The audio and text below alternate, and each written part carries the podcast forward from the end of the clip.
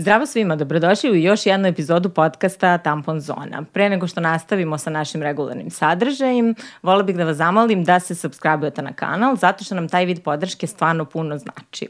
A, podrška koja nam je takođe značajna jeste podrška naših partnera i u ovoj epizodi sa nama je Voden kompanija, čija flašica je od skoro sa nama u kadru. Ove flašice su super zato što drže i toplotu i hladnoću 24 sata, možete da ih nosite svuda sa sobom, a mnogi ste mi pisali da pitate u kojim bojama ih sve ima, tako da u opisu ovog videa imate link na kome možete saznati više o ovim flašicama, ali i ostalim proizvodima kompanije Voden. Tu su i filteri za vodu, ukoliko razmišljate da na nivou svog doma imate zdraviju pijaću vodu, ti filteri su stvarno sjajni, lako se instaliraju i nisu kabasti za vaše domaćinstvo. Još jednom hvala Vodenu na podršci. A sada je vreme da krenemo i sa našom današnjom temom. Uh, razmišljala sam puno o tome i znate i sami koliko često pričam o tome i trudim se da kroz tampon zonu nekako razbijamo stereotipe, da pokrećemo teme koje se tiču različitih tabua, da progovaramo o različitim vrstama stigmi. Ali uprkos tome čini mi se da postoje neke teme kojima se pojačano ćuti. Dakle, teme koje su toliko tabu da, eh, a toliko su rasprostranjene da o njima redko gde možete da čujete, a mislim da je jako važno da se ta pitanja otvore. Uh, jedno od tak takvih tema definitivno je i pornografija i danas ćemo pričati zapravo o rasprostranjenosti pornografije, o njenim posledicama, o tome šta ona podrazumeva u ovom savremenom tehnološkom trenutku. Pričat ćemo i o tome kakav je udeo veštačke inteligencije i o nekim novim vidovima nasilja nad ženama koje se dešavaju u digitalnom prostoru. Uh, za početak sam tela da citiram jedan, uh, jednu rečenicu Margaret Atwood koja je rekla da je 95% od ukupnog sadržaja na internetu zapravo čine pornografija i spam. Uh, ovo je jedan podatak onako koji i zapravo da je Pornhub najmasovniji medij koji se danas uh, konzumira, ali eto to je samo jedan od podataka, a dalje ćemo pričati dublje o ovoj temi i imam dve sjajne stručnjakinje danas sa mnom u studiju. Uh, tu su Sanja Pavlović iz Autonomnog ženskog centra i Mila Bajić iz Share fondacije. Dobrodošle. Hvala. Bolje te našla? Da, mnogo mi je drago da sam spojila jer sam eto po, htela pojedinačno da zovem svaku od vas u više navrata na neke različite teme. Nažalost imamo puno tema o kojima možemo da pričamo, ali mi je sjajno što se poklopilo danas da eto možete i zajedno uh, sa mnom da razgovarate o ovoj temi kroz različite perspektive i uglove. I dogovarali smo se negde da sa nekim širim pitanjem otvorimo ovu današnju temu i zapravo uh, ono što meni jeste važno jeste da negde prvo pričamo o tom digitalnom okruženju i o digitalnom životu svakog pojedinca. Jer eto, internet je prisutan decenijama već, e, stvari se uveliko odvijaju tamo isto koliko i u realnom životu, a čini mi se da je nekde e, opšte prihvaćeno da je to neki sporedni deo naših života, nešto što se dešava u nekom tamo kutku, što nije dovoljno važno, što ne utiče dovoljno na nas. Pa me to zanima da krenemo možda odatle, da vidim kako uh, vas dve, svaka iz svoje perspektive, vidite važnost tog digitalnog okruženja i koliko je ono danas odvojivo ili neodvojivo od realnog života. Pa, ovaj, ne znam, ja bih rekla da nije. Ja bih, ja nekako internet posmatram kao ajde da kažemo u najmanju ruku neki produžetak našeg tog analognog života. Mi jako veliki deo našeg dana provodimo na internetu, pijajući sadržaje, odatle dobijamo vesti, prosto, je tako, ono što ne postoji na internetu kao da se nije ni desilo.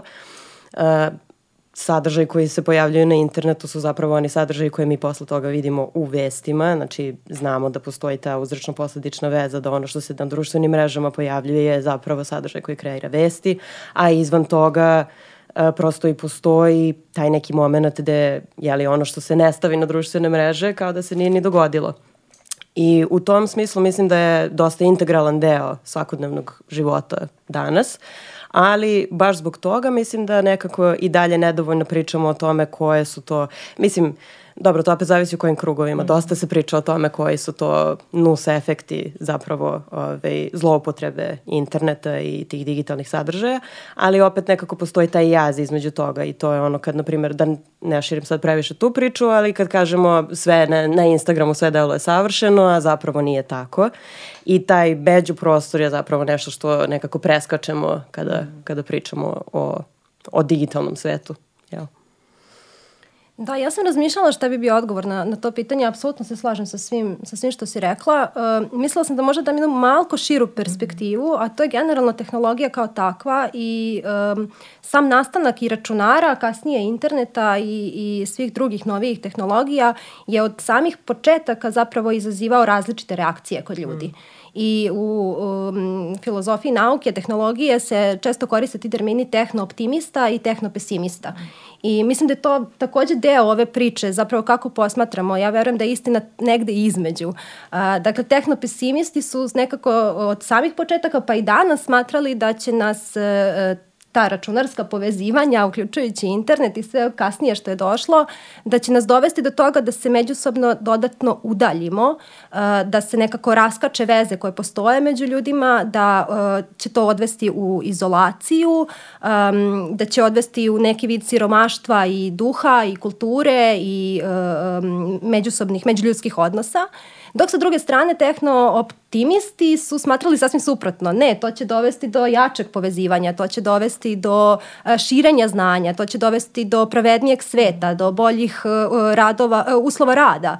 Dakle, negde istina je između, ali mislim da sve ono što se i danas u, u digitalnim tehnologijama dešava i na internetu i tako dalje, jeste vezano i mora biti posmatrano, e, ja ga najviše zapravo i posmatram, iste neke feminističke perspektive, koja, baš kad smo razgovarale, ovaj, smo, smo spomenule da zapravo većinu te tehnologije jesu napravili muškarci i nisu uvek obraćali pažnju na to kako će ona uticati na sve nas i na različite načine kako može, kako može uticati. Tako mislim Izvini, da to... ali i oni delovi tehnologije koje su možda žene napravile, te žene su prosto zanemarene. Znači upravo, ne postoje, upravo. Koje su učestvovale veoma u kreiranju tih tehnologija, Apsolutno. koje su potpuno zanemarene i ne znamo im, mislim, u, u širem tom popularnom kontekstu ne znaju im se ni imena, ni šta Tako. su one radile. Pa ne znamo da je reč kompjuter zapravo nije označavala sam računar, kao, uređaj kao takav. Reč kompjuter je označavala ženu koja mm -hmm. radi matematičke mm -hmm zadatke da. i izračunava neke, neke stvari. Tako je nastala reč kompjuterka, sada se upotrebljava u nekom drugom kontekstu. Tako da da, žene jesu mm. uvek tu bile, ali mislim da su malo prilike, malo moći i malo mogućnosti imale da učestvuju u dizajniranju uh, i u razmišljanju o eventualnim posledicama. Tako da u tom smislu um, zanimljiva mi je bila um, jedan, jedan kao mim u stvari koji je mhm. već u internet kulturi uveliko, uveliko prisutan. Mislim da je tipa iz 93 um, gde u stvari u New Yorkeru je bila objavljena sličica psa koji sedi za računarom mm. i razgovara sa drugim psom i dole piše na internetu niko ne zna da si ti pas. I onda u stvari, ka, koja je razlika kako posmatramo tu rečenicu? Da li to što um, nam jeste omogućena i veća anonimnost i možda bolja privatnost ili pak ne, da. ovaj, uh, može da do, donese nešto dobro u odnosu na izražavanje naše, naših identiteta, naših potreba ili s druge strane uh, to što niko ne zna da si pas može da, mm. da zapravo uh, proizvede neke druge efekte. Mm. Uh, sad spomenula si tu feminističku perspektivu zapravo gledanja na taj online svet i možda eto Mila tebe da pitam koliko se sad realna slika položaja žene i rodne ravnopravnosti u našem društvu prelila i na taj online svet? I na koje sve načine? Pa, opet zavisi od kruga, jel? Jer to je, to je ideja. Mislim da vodeći sa tim tehnooptimizmom, ono što internet jeste doneo je umrežavanje mm. koje nismo mogli ni da, mislim, nije, nije bilo prisutno ranije, nije, mm. nije moglo da postoji. Omogućilo je prosto ženama koje su, na primjer, borkinje za ženska prava, za ljudska prava generalno, druge marginalizovane grupe, da se prespoje i da se upoznaju sa drugima koji rade na tim temama, koje su možda žive ili negde u Africi ili Južnoj Americi ili u Australiji ili pak možda ne znam, nekoliko zemalja bliže. I sa te strane ovaj, mislim da postoji jedan jako veliki krug koji, koji prosto razume koje su to, koji su to problemi sa kojima se ove žene i generalno druge marginalizovane grupe suočavaju na dnevnom nivou. To smo videli i kroz pokrete i kroz mi tu na, globalnoj, na globalnom nivou, kroz Nisam prijavila kod nas, uh, kroz uh, prosto ovu priču o Telegram grupama od pre nekoliko mm. godina koja je u celom regionu odjeknula. I to su neke stvari koje su suštinski pozitivne. Znači, mi možemo da vidimo šta se dešava i možemo da prosto vidimo kako, kako to utiče na, na žene ovaj, u različitim pozicijama. Ali, sa druge strane, nažalost, imamo tu kontratežu koja je prosto taj, taj porast eh, nekog eh, globalno, ja bih rekla, i desnice i e, prosto neko konzervativnije pogleda na svet koji, nažalost, najviše pogađa ovaj, mlade muškarce trenutno, to je ono što sva istraživanja pokazuju, što su žene uh, emancipovanije i liberalnije, mladi muškarci postaju sve konzervativniji, tradicionalistički ovaj, orijentisani. I to je ono što se manifestuje kroz uh, jel, njihove uzore, u stvari, kao što si ti sama rekla, uh, kroz te silne podcaste, kroz tu, kako, kako on, me, menos, menosfere, mm. tu menosferu, uh, kroz uh, prosto ideje o tome šta žensko, šta žensko telo i šta ženski, šta je ženski u, u tome, u našem pojavljivanju na, na samom internetu. I to, nažalost, onda dovodi do toga što je u stvari cela tema o kojoj danas pričamo je ta uh, ta, ta potreba za kontrolom autonomije ženskog tela i prevashodno ženske seksualnosti i na koje načine se do toga dolazi. I mislim da postoji jedan jako veliki deo toga gde se to dešava, a da glasovi žena i drugih boraca za ženska prava su bili zanemareni kada su na tim frontovima, na prvim linijama, kad su ove tehnologije kao što je ta veštačka inteligencija, um, generativna ili deepfake-ovi počeli da se pojavljuju, kada su se one javljale da kažu znamo tačno šta će se desiti mm. sa ovim tehnologijama i ko će biti prve mete, mm. ti glasovi su zanemareni. Nažalost, evo sad e, prvi deepfake fotografije po svetu koje su postale popularne su bile 2017. kada su to bile uh, poznate glumice čiji su, čiji su likovi iskorišćeni i evo sad je koliko, 6-7 godina kasnije, mi dalje nismo ništa uradili po tom pitanju substantivno, ne samo ni mi kod nas, nego generalno u celom svetu, a kao što vidimo, taj problem samo još više i više raste i evo sad dolazi i kod nas sve više i više, pogotovo ove, u poslednjih godinu dana i ono što možemo da zaključimo je da će to samo da bude sve masovnije, a ovaj, znamo da prosto veoma je kulturološki, uh, kako da kažem, uslovljeno sve to što se događa i onda uh, možemo samo da zamislimo kako to izgleda u patriarhalnom društvu kada ove, takve fotografije krenu da se pojavljuju jer znamo kakve su uglavnom odgovori na to. To je što si kačela svoje fotografije, što si ovo, što si ono, što sad postaje mnogo problematičnije, jer kada uzmemo u, u kontekst te nove tehnologije u kojima više nije, nije, nije važno kakva je tvoja fotografija, važno je samo da ti postojiš na internetu, Uh, kako tu poruku onda šalje uh, ženama, pogotovo malim devojčicama kojima to može da se dogodi. Uh, ideja je isključivanje. Znači ti se isključi onda. Jedini način da ti se to ne dogodi je da se ti potpuno um, postaneš, uh, kako da kažem, deo tog sistema u kojima ti shvataš da jedini način da se tako nešto tebi ne dogodi je da se ti isključiš iz, iz cele priče. Da postaneš priče. nevidljiva. Da postaneš nevidljiva. I to je onda ideja, ti dolaziš nazad do toga da je to jedan sistem u kome ženski glasovi su nečujni. Nečujni su, a i oni koji se čuju, radimo sve što možemo, to jest ta strana radi sve što može da ih, da ih ugasi. Mm. Uh, patrijarhat je tu i samo menja oblike uh -huh. i mhm. pronalazi nove načine za kontrolom ženskog i tela i uma. Uh, Sanja, šta bi ti rekla u tom digitalnom okruženju? Koji su te neki novi oblici nasilja nad ženama koji su se sad tu pojavili? Um, Pa da, dobro je pitanje koliko su novi, a koliko mm. su zapravo stari, Samo ali, su ali, ali su adaptirani, da. baš tako. Da. Ovaj, mislim da je um, ključna stvar da govorimo mislim, sve one forme nasilja koje devojčice, devojke, žene preživljavaju u analognom svetu, doživljavaju i, i u digitalnom, samo je to jel, na neki način za nijansu drugačije ili raširenije mm -hmm. ili dostupnije, ali mislim da je pre svega reč o seksualnom nasilju. Mislim da je to ključno da, da pomenemo i pre svega je reč o seksualnom uznemiravanju. To je nešto što nam se dešava i na ulici, to je nešto što nam se dešava kad nam dođe majstor u kuću, to je nešto što nam se dešava u javnom prevozu, u školi, na fakultetu, na radnom mestu, svuda, pa i na internetu. Uh, Tako da um, jedno od naših istraživanja uh, u okviru preventivnog programa Mogu da neću uh, jeste bilo baš sa srednjoškolkama i srednjoškolcima i ono je pokazalo da je svaka druga devojčica doživela uh, seksualno uznemiravanje, digitalno seksualno uznemiravanje, odnosno da je bila izložena nekim uh, uh komentarima koji imaju seksualnu konotaciju, 57% njih, to je zaista mm. veliki, veliki procenat. Tako da vidimo da, ta, da taj vid seksualnog nasilja jeste najprisutniji, A, pored toga, pomenuću još malo, mislim da su važni podaci, ima ih mnogo, mislim mnogo je istraživanja o digitalnom nasilju generalno, ali evo ovo jeste vezano za naš kontekst pa je možda vredno pomenuti, a, da je isto tako a, 9% njih a, bilo izloženo a, tome da nje, njihovi privatni sadržaji, mm. bilo da su fotografije ili videi, budu objavljeni negde javno, a 8% bez njih bez njihove saglasnosti, da. a 8% njih je bilo izloženo uceni da će se to desiti. Uh, I mislim da možda možemo u toku razgovora se vratimo na taj pojam ucene, jer mislim da zaboravljamo na to da nije, nije samo kad se objavi mm. problem, problem je i sve ono što devojčice, devojke, žene preživljavaju kada su ucenjene uh, tom vrstom sadržaja. Tako da statistika nije baš, e, nije baš sjajna.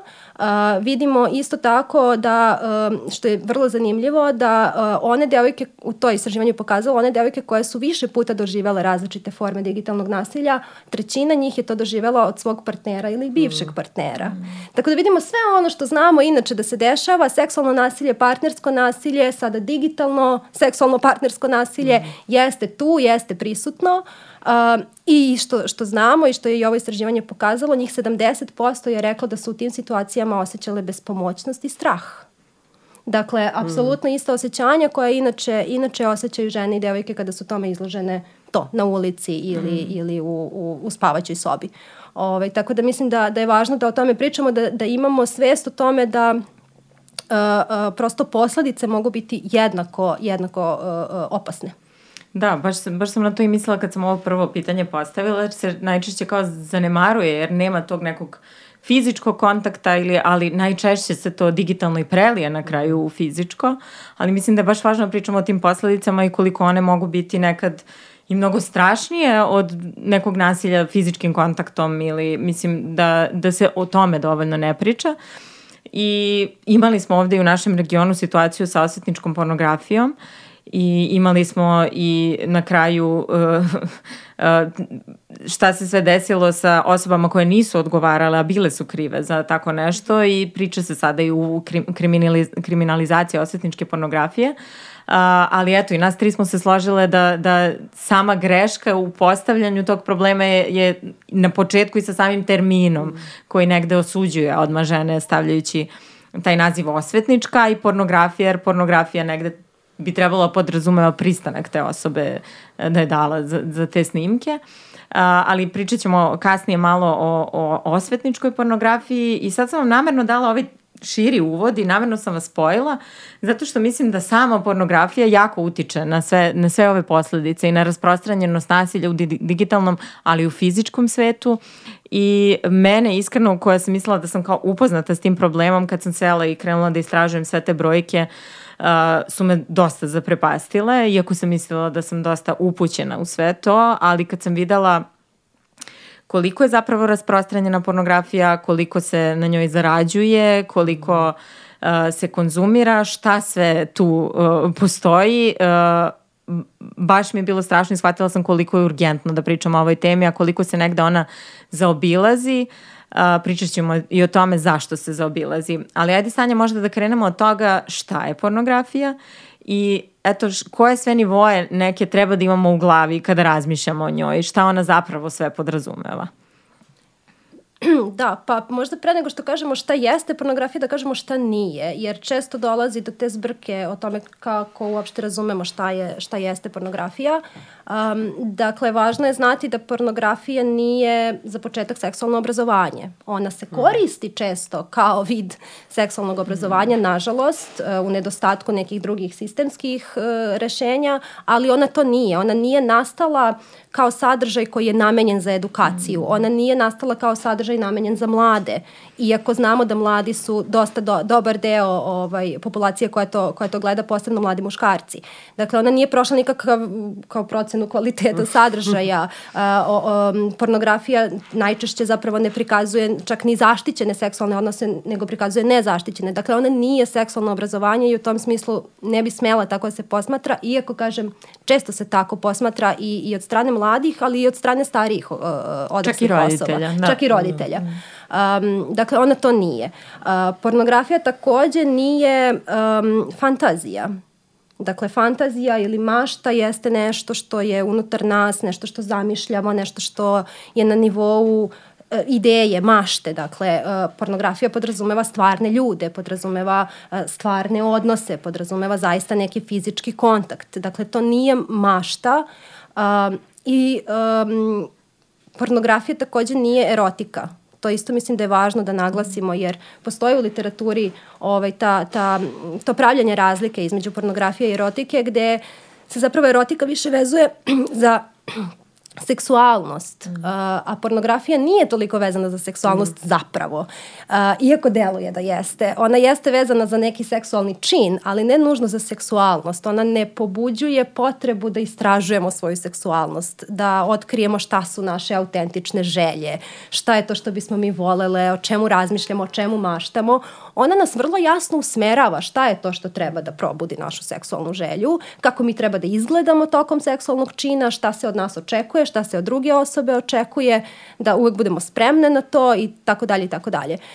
Dakle, to nije, to nije to. Pornografija je zapravo industrija i kao takvo je treba posmatrati. Pornografija je jedna globalna, vrlo uh, profitabilna industrija čiji je cilj da stekne profit uh, i koja je u patriarhalnom društvu, globalnom u kakvom živimo, prosto nastala pre svega od strane muškaraca zarad Za muškog mm. užitka.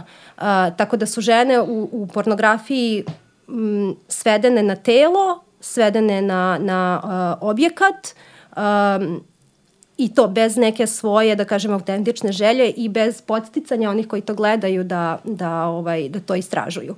I e, kratko ću još da završimo ovo dodatno pitanje koje si mm. postavila. Ja kada razmišljam o pornografiji mislim da je važno da imamo nekako tri paralelna razmišljanja. Jedno je ko su te osobe u pornografiji, ko su te žene u pornografiji, kako su tu dospele, kako im je tu, um, da li mogu iz toga da izađu, e, da li mogu, i to imamo neke slučajeve e, žena u pornografiji koje su pokušale da, nakon što su htjele da izađu iz te industrije, da ti snimci nestanu, nisu htjele da mm. da to bude zauvek online, mm. nisu to uspele. Mm. Dakle, one nemaju čak ni autorska prava na tim sadržajima. Um, Dakle, kako su tu dospele, kakvi su im uslovi, uh, kako iz toga izlaze, ako mogu da izađu. Uh, to je jedan taj pravac o kome treba da razmišljamo. Drugi jeste šta je to što pornografija prikazuje i mislim to možemo možda malo mm. detaljnije kasnije. I treće je kako to što ona prikazuje zapravo utiče na publiku. Ko je publika i kako utiče na, mm. na tu publiku. Da, i sad ovo što si spomenula, dakle da se često pornografija izjedna, izjedna, iz, izjednačava sa seksualnošću, ali sa samim seksom i sa samim seksualnim činom. Nekako, e, naročito kod mladih ljudi, e, baš to, negde se e, promoviše da je seks jednako pornografija i da je to neka prva stanica gde treba da dobiju neka znanja, gde mogu da vide kako, kako to izgleda i sad zbog rasprostranjenosti i otvorenosti svog tog sadržaja, zapravo ona najčešće to i jeste prva stanica na koju mladi dođu. Pričat ćemo kasnije o tome isto brojke koje su me onako ošamutile kad sam videla u kom dobu uh, mladi zapravo dođu u susret uh, sa pornografijom.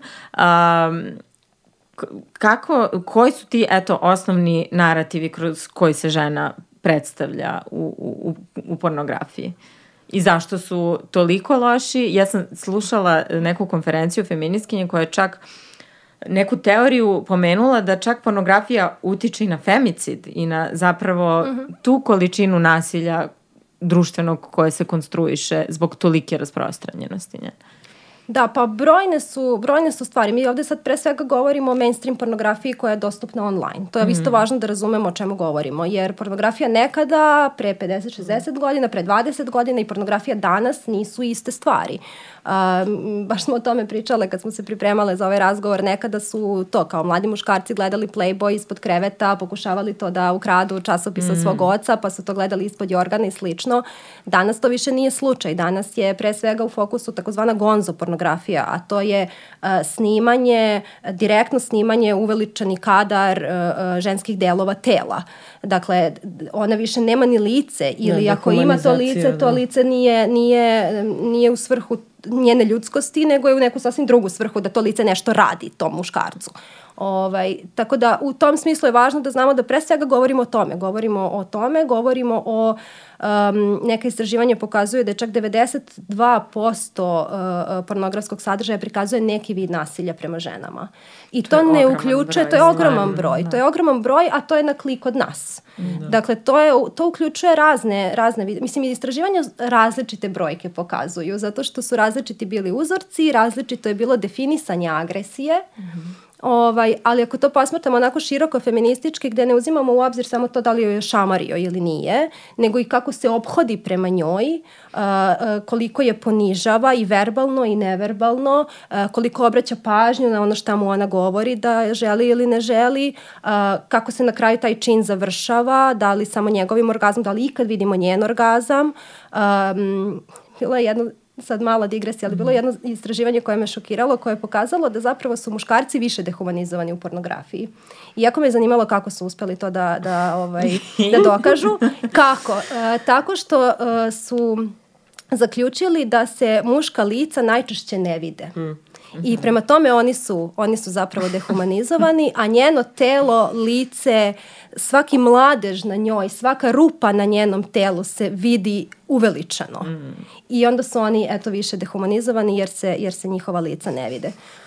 E, da, tako da Na, nažalost je tako. E, ne znam da li sam odgovorila na tvoje pitanje, ali da, govorimo zapravo, govorimo o tome da su govorimo ajde, najšire moguće o rodnim ulogama, o tim mhm. stereotipnim patriarhalnim rodnim mhm. ulogama gde je ona učenica, a on je profesor, gde je ona služavka, a on je ne znam, neki tu uh, muškarac, uh, a čak i kada su te uloge u pornografiji obrnute, opet to ide nekako u cilju njegovog užitka i tih nekih kao njegovih fetiša koji, mm. koji tu postoje.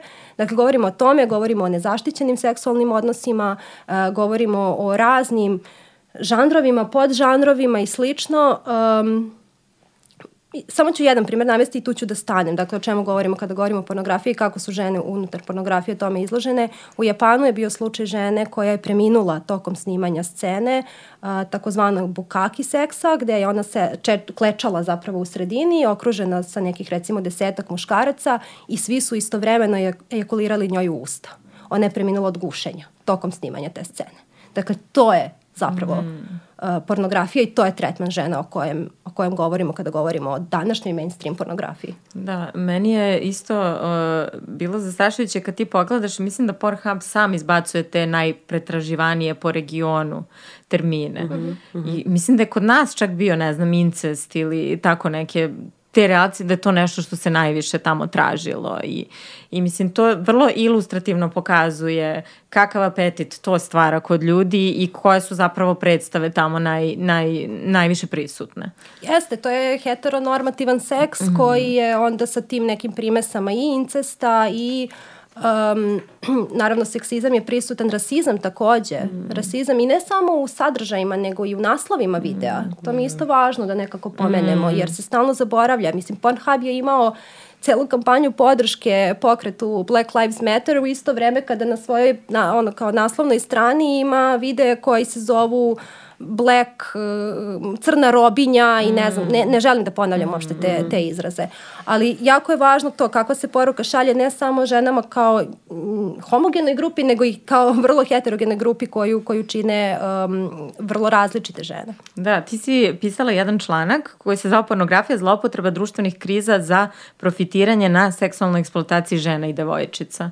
I zapravo koliko, eto, koliko se čak i neke tako društvene prilike i neke grupe žena koje su uh, aktuelno u tom nekom društvenom sad kontekstu, kako se te teme zloupotrebljavaju isto kroz pornografiju. Jeste, pa zato što govorimo, kao što smo rekli, o industriji koja pokušava na sve načine da dođe do profita. Tako da mi znamo da se kroz istoriju dešavalo, evo sad nedavno, dakle, rat u Ukrajini, kako je izbio, tako je sve više uh, počelo da se pojavljuje sadržaja, uh, um, to kao, ne znam, seksa Ukrajinkom ili mlada Ukrajinka, devojčica Ukrajinka, znači ta, takva vrsta sadržaja.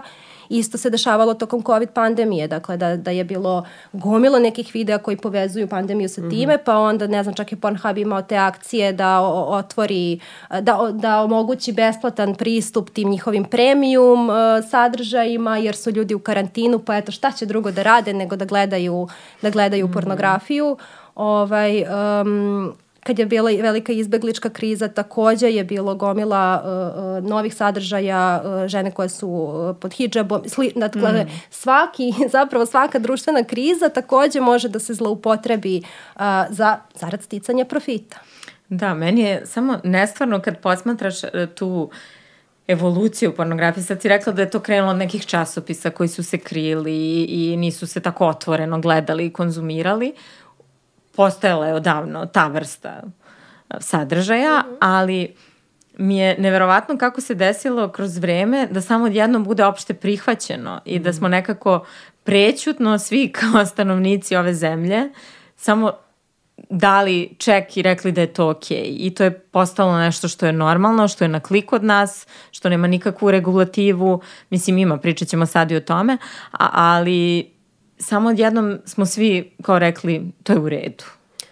Ja mislim, izvini, da. samo, mhm, zato što mislim da je mhm. isto interesantno da pomenemo kad e, gledamo malo iz tog e, prosto digitalno-tehnološkog mm. aspekta, um, to što ti kažeš, da, znači to jeste jedna industrija koja je zasnovana na tome da se dobijaju pare, ali kad se gleda iz tog tehnološkog ugla, to je jedna industrija koja uh, prosto pokušava na sve moguće načine da privuče pažnju korisnika. Mm -hmm. I to je, naravno, te, ta pažnja se posle je, ima taj jednako znak i ona generiše profit i to je cela ideja, ali baš zbog toga koliko te, te proliferacije tog sadržaja i tog targetiranja određenih grupa za koje prosto ta sama industrija pretpostavlja da će najviše pratiti te sadržaje. E, ideja je u tome da što više vremena se provede na tim sajtovima, mm. sa što više tog e, sadržaja konzumira I e, onda ono što je nažalost nekako posledica svega toga je da to sve postane do te mere od strane njih banalizovano, da to nije više kao ni mm -hmm. pornografski sadržaj kao takav, nego je to samo još jedna avenija za sticanje profita, za sticanje mm -hmm. pažnje i za generisanje nekog sadržaja koji se dalje, jel te, u tom neoliberalno tehno-kapitalističkom mm. sistemu održava sam sistem. Mm. I onda to dovodi do tolike prosto desenzitivizacije i banalizacije tog sadržaja do te mere da je to toliko normalizovano što ti kažeš da ti kada izađu ti podaci, umesto da ljudi na internetu kažu bože šta je moguće, mm -hmm. odgovori su uglavnom haha pogledaj šta je u Rumuniji ili pogledaj šta je vamo ili na primjer ima ja sam i vidjela baš kao za svaku saveznu državu u Americi pa mm -hmm. kako mhm. se to razlikuje pa se onda to uvezuje nekako sa stereotipima o određenoj mm -hmm. državi ili šta god.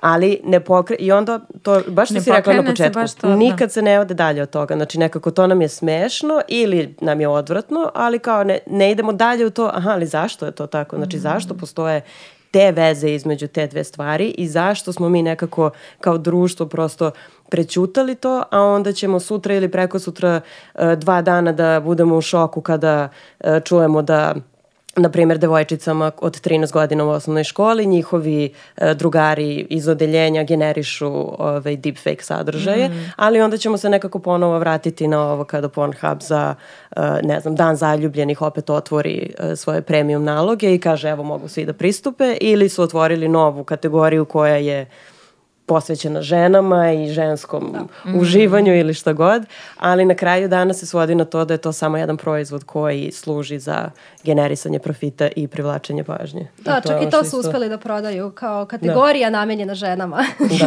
jedna, I, jedna da. od 20. Apsolutno. I druga stvar je isto to što, se, što si pomenula, što isto mislim da je važno da se kaže, znači kada se gledaju sve te stavke je i takođe e, saglasnost Znači, kako mi znamo kako je taj sadržaj mm -hmm. dospeo tu kada pričamo o tim ženama, yes, da li su upravo. one saglasne sa time i da li one uopšte znaju da se to dešava i na kraju mm. dana, kada već počnemo da pominjemo i taj AI, da li su to zapravo one. Mm.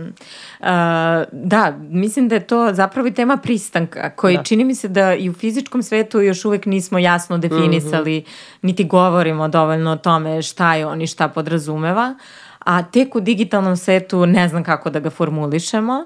Uh, I negde bi se sad osvrnuli na odgovor, eto, spomenule smo uh, ko hoće može da prebroji koliko smo puta Pornhub izgovorila od početka, ali definitivno jeste od naj, jedna od najvećih platformi koja distribuira uh, taj sadržaj. Uh, gde je tu sad odgovornost platformi i ne govorim samo od Pornhubu, eto spomenuli smo i grupe na, na Telegramu, uh, Znamo da Pornhub ima iza sebe milion nekih skandala gde je i uhvaćen koliko je kršio prava određenih ljudi, koliko je objavljivao sadržaj bez pristanka, iako ima neke svoje uh, forme gde kao moderira sadržaj i ne znam, bavi se nekakvim pristankom. Sadržaj silovanja i sadržaj da. maloletnih žrtava trgovine da. ljudima. Mm. Dakle, da. Ti si mi Sanja rekla da je u nekom trenutku kao da su izbrisali 80% sadržaja. Jesu, nakon 2020. Da. kada je bio taj veliki skandal, kada se pročulo, odnosno zapravo počelo je time da je majka jedne maloletne devojčice prona, koja je nestala i za kojom, se tra, za kojom je bila potraga,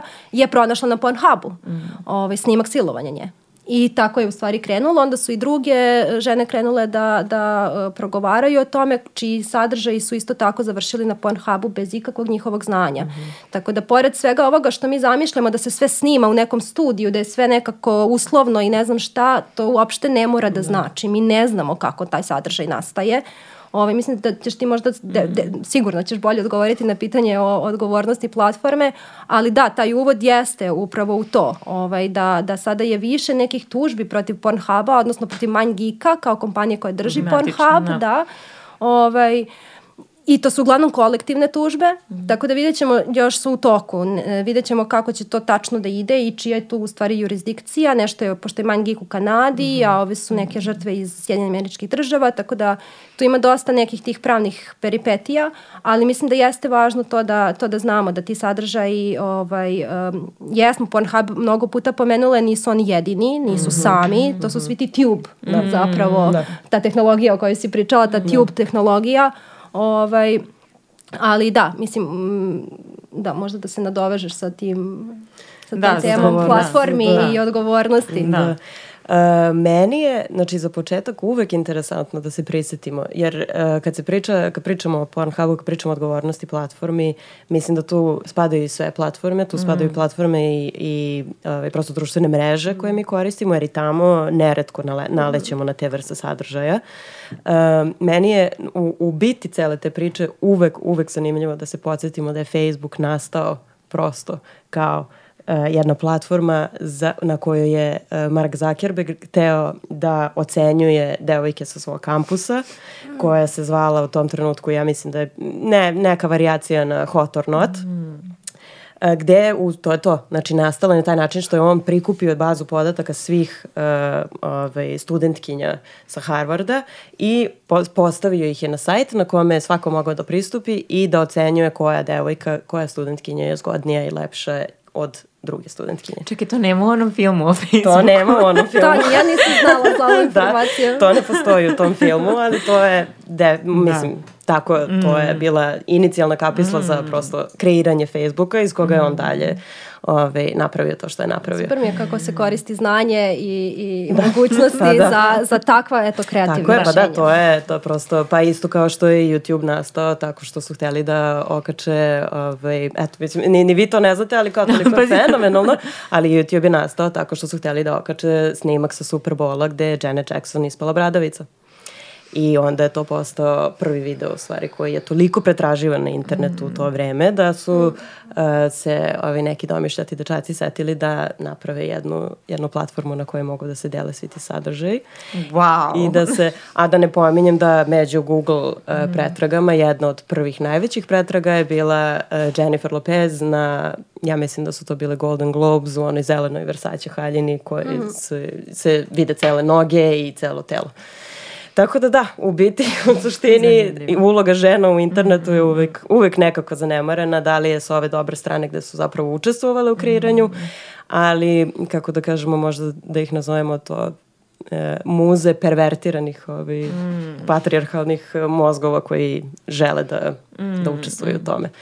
E, da, tako da onda imajući sve to u vidu, onda tu kad pričamo zapravo o toj odgovornosti platforma, ono što mi uvek vidimo je da tu nema nikakve, to je uvek neka retroaktivna prosto reagovanje na nešto što se desilo pre nego prevencija. I nema uopšte razmišljanja o tome da e, se te stvari postave kao ono što sam već pomenula. Znači kad se, kad se takvi sistemi tehnologije razvijaju pa se neko javi i kaže slušajte mi znamo da će se ovo koristiti da se generišu fotografije žena, da se generiše pornografija, pornografski sadržaj, što i vidimo, mislim iz podataka preko, ja mislim 96% uh, veštački ovaj, sadržaja generisanog veštačkom inteligencijom je pornografski, od toga je 99% se odnosi na žene. To, je, to nije, nije to par žena koje je negde u nekom ćošku Pa urlaju za je to Tako je, kao mislimo da iskorišćeno, možda da. može ovo da se desi. Ne, mi sad imamo veoma konkretne dokaze da je to tako i mi samo znamo da će to da bude sve gore i gore. I onda kada pričamo o toj regulativi, užasno je teško, pogotovo za te kompanije koje um, po Americi, na primjer, uglavnom ni, skoro ni na koji način nisu regulisane. Jako je teško uopšte uhvatiti se sa njima u koštac i um, postaviti njima neke uslove u odnosu na koje bi oni trebali nešto da regulišu. Uglavnom to, e, kad pričamo o Americi, u, u Evropi je drugačija situacija i malo je bolja situacija. Ove, kada pričamo o Americi, to su uvek više predlozi nego neke vrste ograničenja.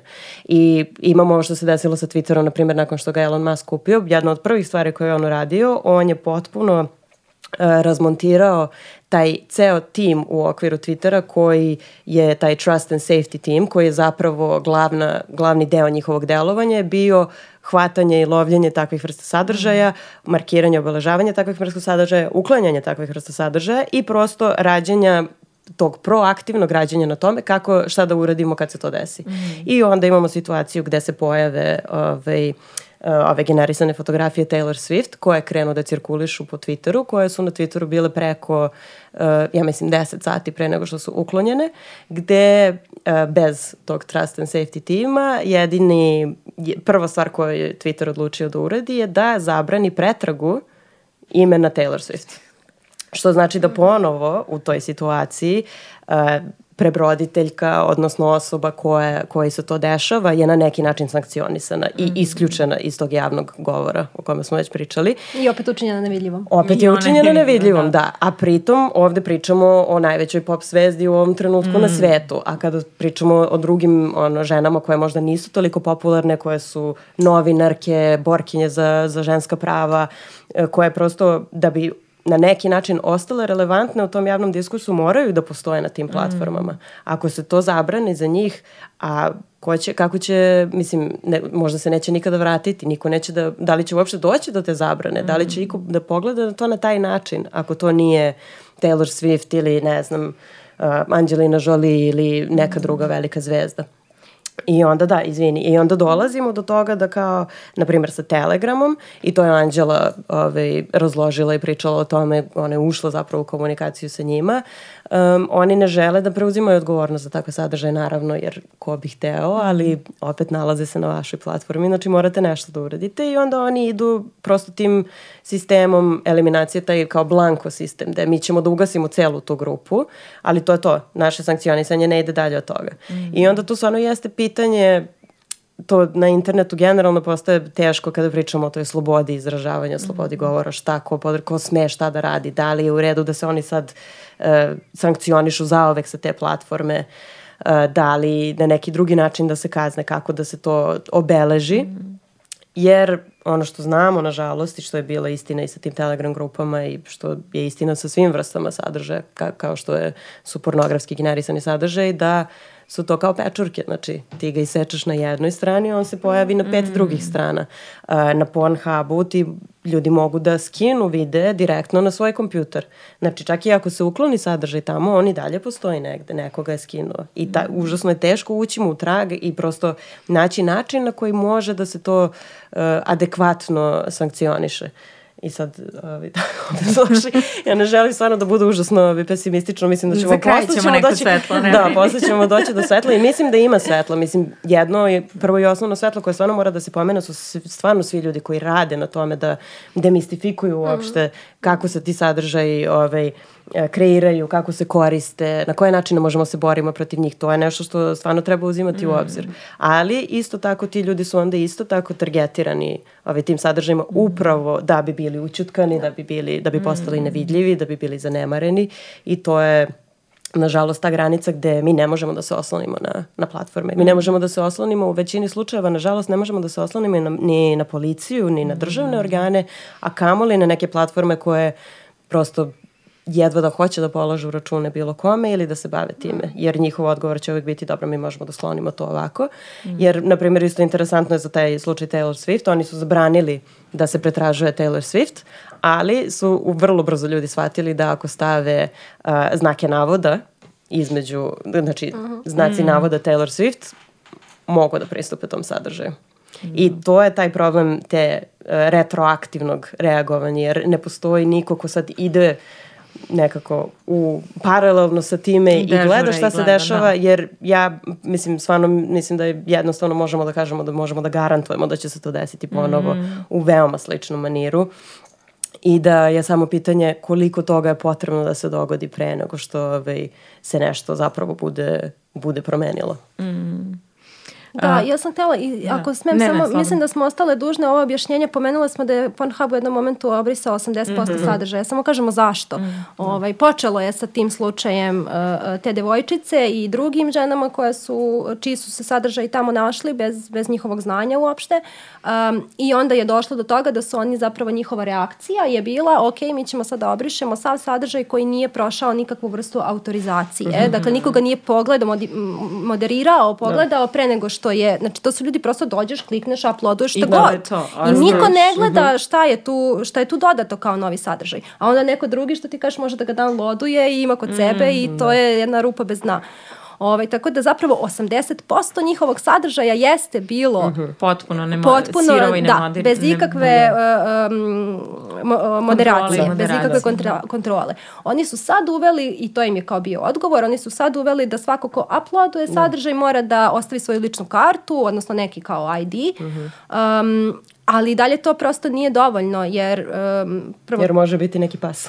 Jer može biti neki pas upravo. Može biti neki da. pas i ti ne znaš ako možda uh, taj neko ok, ali kao i dalje se ne proverava ko su osobe na tom snimku. Jer to što ne mora da bude osoba či, koja je ostavila ličnu da, kartu. Tako. Sve i da je njegova i da nije pas. Da. Ja sam videla da su oni u nekom trenutku priznali da su kao zarađivali od sex traffickinga i od prikazivanja videa da je nešto su priznali, ali da verovatno su... im je ta kazna bila dosta manj, mala u odnosu na novac koji zarađuju ili šta već, ali da je bilo nešto, da su bili isprocesuirani. Vrlo moguće da, je da- neka, da, da su neku kaznu da. dobili, mm. ali upravo to, da, da novac koji su morali da plate je ništa u odnosu mm. na ono što, mm. što, što zarađuju. I to je uglavnom za, mislim, ja mislim da je to mm. bilo nakon što je uh, izašla jedna velika priča u New York Timesu zapravo, mm. da su bile te devojke, mm -hmm. da su to se onda najviše temeljilo na tom uh, kako da taj child sexual abuse material, mm -hmm. znači mate, te sadržaj koji prikazuju maloletne devojke. Mm -hmm.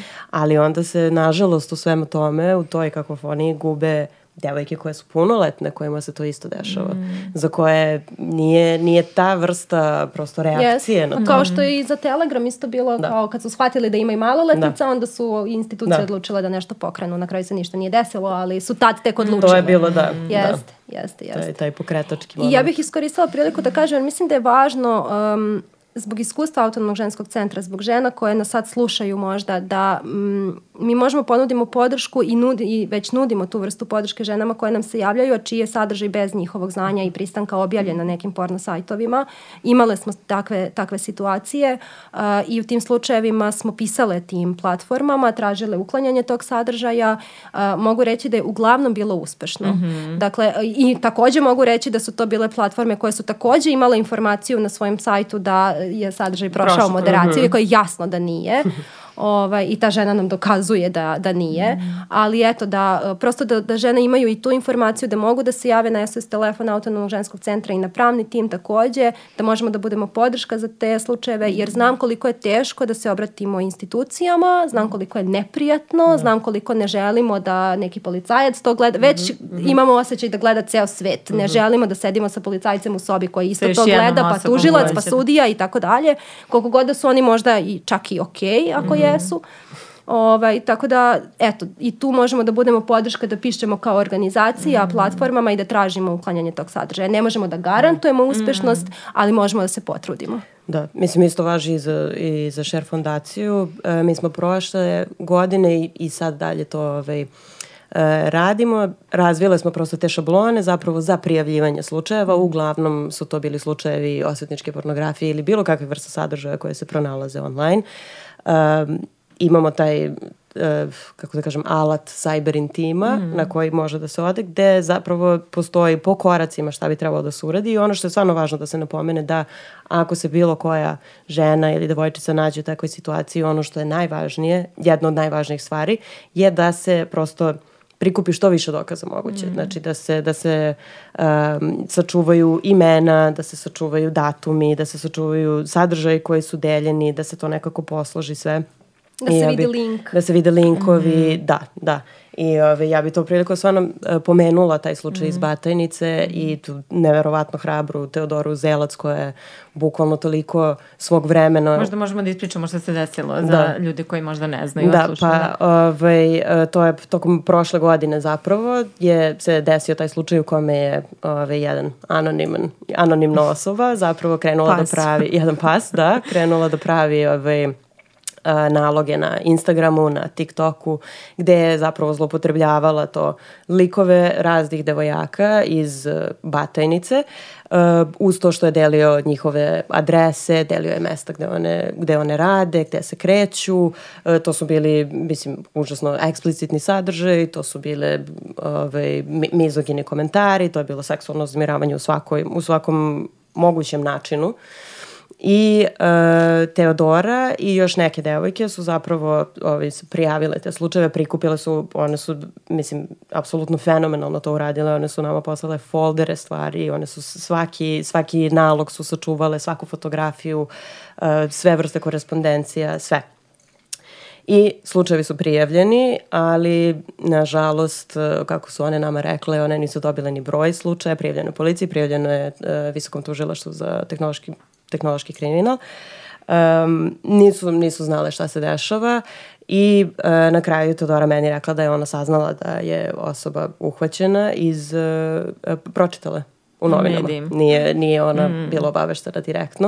Uh, ona je otišla posle da davala izjave i ne, neverovatno koliko je to, mislim, kakva vrsta snage je potrebna za tako nešto i ja mislim pogotovo dodatno u nekom okruženju kao što je naše gde to uopšte nije ni toliko često. Mislim, nije, nije kao da sad imaš kome da se obratiš da se još nekome to desilo, pogotovo da je takav neki slučaj koji je kao malo više uh, upao u žižu javnosti, nego je ona nekako to, kao mislim, kao i sve te devojke, ali ona imenom stala, ona je ovaj, u našem sad ovaj, poslednjem izveštaju povreda digitalnih prava za prethodnu godinu napisala je svoj autorski tekst u kome je objasnila prosto čitav taj proces i kako je to mhm. izgledalo i kako to kakav je prosto imala utisak u svemu tome.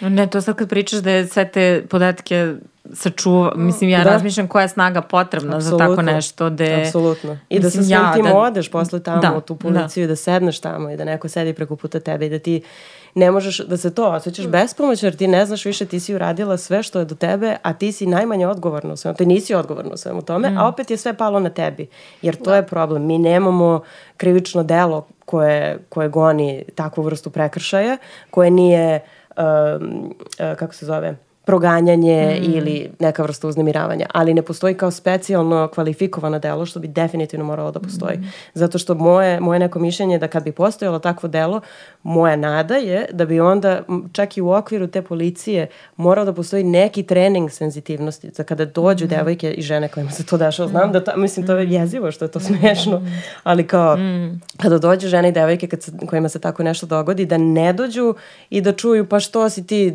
tamo po, po batajnici ko zna, pa što si ti šetaš u suknji, što si ti ovakva, što si onakva, šta sad, tu se tebi se to desilo, jer to, mislim, ni na koji način nije odgovor na tako nešto. A pogotovo, to je uopšte i bez ulaženja u to, i mislim, to je ono što je interesantno kad se budemo dohvatile zapravo tog deepfake-ovanja, mm. deepfake sadržaja i to generisanja sadržaja koji je u stvari taj sintetički sadržaj koji nije, nije pravi. Uh, jer njegova, na kraju dana, nije njegova uloga da, da mi sad utvrdimo da li je on lažan ili nije. Njegova uloga je samo da te toliko diskredituje, da, te, da ti nestaneš, da, po, da te ponizi, mm da te mhm. smiri, da te seksualno kontroliše na kraju dana, mm da mhm. tvo, ugnjeta tvoju autonomiju. I nije bitno da li je pravi ili ne. Poenta je u tome da on postoji mm i da ti uh, e, sad e, ne, neće niko ići sad i gledati sve, sve te sadržaje da provali koji jeste pravi, koji nije pravi, nego ideja u tome da ti ne, ne polažeš pravo na svoje lice. Mm. Nemaš više polaže, kontrolu nad svojim telom, nemaš nikakvu kontrolu. Nego ga polaže neko ko sedi negde u nekoj sobi, ko ne mora nikada da postane anoniman, ko možda nikada neće biti uhvaćen, ko je možda neko, ko je neki posrednik možda, znači možda se njemu neko javio zato što on zna da koristi te alate i njemu je neko poslao mm. tvoje fotografije da bi on generisao te snimke i on nema ništa ništa od toga. Mm. Jer baš, ove, mislim sad možda malo skačemo, ali Um, bilo je sad jedno skoro uh, u Bellinghetu su radili ove, jedno veliko istraživanje, to su zapravo gledali te te sajtove za generisanje uh, to, ove, posredstvo veštačke inteligencije, generisanje tih sadržaja i pričali su sa nekoliko tih ljudi koji su na tom serveru zapravo delili to i koji su kreirali taj sadržaj i to su bili znači ili sadržaj koji su naručeni mm -hmm. ili sadržaj koji su oni sami sa sobom ove, pravili. Naravno, to su bili sadržaj od to, bilo kojih velikih filmskih zvezda, preko, na primjer, neki čovek je slao uh, slike od najbolje drugarice svoje žene i hvalio se time da je to radio. Ove, ovaj, I kada su oni zapravo ušli u komunikaciju sa nekim od tih ljudi koji su hteli da pričaju anonimno, koje su oni pronašli preko tih servera, oni su rekli, mi, ja ne vidim ništa sporno u tome, to je zabava. Ja mm. uopšte, to ni, niko, nikoga ne pokušava da povredi i ja stvarno mislim da te žene ne bi trebalo da se osjećaju kao da njih neko hoće da iskoristi ili da im učini nešto nažao. I onda ti staneš i... To je samo dokaz da koliko je u stvari sve Mislim, normalizovano. Koliko je seksualno nasilje kao takvo potpuno normalizovano da. i koliko smo odsečeni od, da. od, od, od stvarnosti, koliko je to ozbiljno i kakve posledice Absolutno. može da ostavi. A onda se nekako to pominje kao, pa da, pogotovo, na primjer, za te žene koje uh, samom, samom prirodom su kao javnog posla, jel tako, su pevačice ili glumice ili što god, se odriču tog jednog dela svoje privatnosti, ali mora da postoji neka granica, nisi se ti odrekla celo svoje privatnosti, ne pripadaš ti svetu do te mere, a onda tek da ne pričamo o ženama koje su to anonimne, koje nisu poznate, tu, tu je tek mnogo veći taj prag, mnogo je viša ta granica. Ali koliko se to sa te strane, to je ono što je meni najizivije, ne tumači uopšte, znači ti kad njih pitaš, te uglavnom muškarce koji generišu te sadržaje, jeli, oni to uopšte ne, ne vide kao problem, jer pod jedan oni kažu pa dobro, ali to nije pravo, što se ti uznemiravaš, kao što si se uznemirala kad to nije pravi sadržaj, mm. a pod dva to je samo zabava. I to da, je nekako... to je deo patrijarhata Jeli, i tog to njihovog je- je. odnosno smatranja da imaju pravo Da. na to. I na, to na je sve ono da rade je s tobom nekako- uključujući. Da, I što je ono nekako to što kad pričamo o tome da li je ovo nešto novo ili nije, ne, to je sistemski, to se vraća sve do onoga kad je u analognom svetu, jel te, kad ti kažu opusti se, što, kao, što si se sad, nemoj da, što si se tako zabrinula, što ti to smeta, Mm. nije to uopšte loša namera, Samo ti je stavio ruku na koleno. Tako je, tako je. I u osnovnoj školi kad ove, hvataju devojčice za dupe u sedmom i osmom razredu i kao onda ti odeš kod profesora fizičkog i on kaže pa dobro, sviđaš mu se, što si se sad ti nešto, da. Poenta je da u stvari, nažalost, slušajući te, u stvari razmišljam da je poenta da ni jedna od devojčica, devojaka i žena nema mogućnosti da bude pas. Da. Sa svim ovim Da. što si, što si sad rekla, čak nema ni tu mogućnost. Sve i da hoće. Jeste. Uh, sad kad pričaš o deepfake-u i o njegovom razvitku, nekako čini mi se da smo, dosta ljudi su bili u fazonu da je to daleko od nas, a zapravo i pričale smo o tome koliko je tehnologija brža u odnosu na naš život i na samu regulativu. I eto, taj, imamo, imali smo slučaj batajnice, imali smo pre nedelju, dve dana slučaj sa nastavnicom i učenicama, da je neki učenik zapravo škole, da. osnovne škole, osnovne, mislila sam da je srednja. pravo. 13 godina, da. 13 godina, da, učenik uzeo i pravio takvu vrstu sadržaja, ne znam da li je to na kraju isprocesuirano i kakav je epilog sad tog slučaja, ali kao što si rekla, mislim da će to, da je to kao pečurka, mislim sve će, sve će više to da niče, a nekako se i dalje ne posmatra kao dovoljno ozbiljno i kao grana nasilja, što zapravo i jeste. A, sad ajde da pričamo malo i o mladim ljudima. Eto, spomenule smo strašno što eto, taj dečak ima 13 godina, a još je strašnije Sanja to što si ti podelila sa mnom od statistike da mladi muškarci sa koliko? Sa 9 godina prvi put dođu u susret sa pornografijom. Da, to je u stvari neki, neki prosek za, za pre svega za zapadni deo sveta, ali ovaj nije nije nerealno da je i ovde vrlo slično, jer smo već rekli da je sve to na telefonima i da se i to istraživanje pokazuje, čini mi se da 83 do 5% pristupa porno sajtovima dolazi sa mobilnih uređaja. Tako da je vrlo jasno da to više nisu računari, laptopovi i slično, nego telefoni i, i bilo koje mesto, bilo koje doba dana.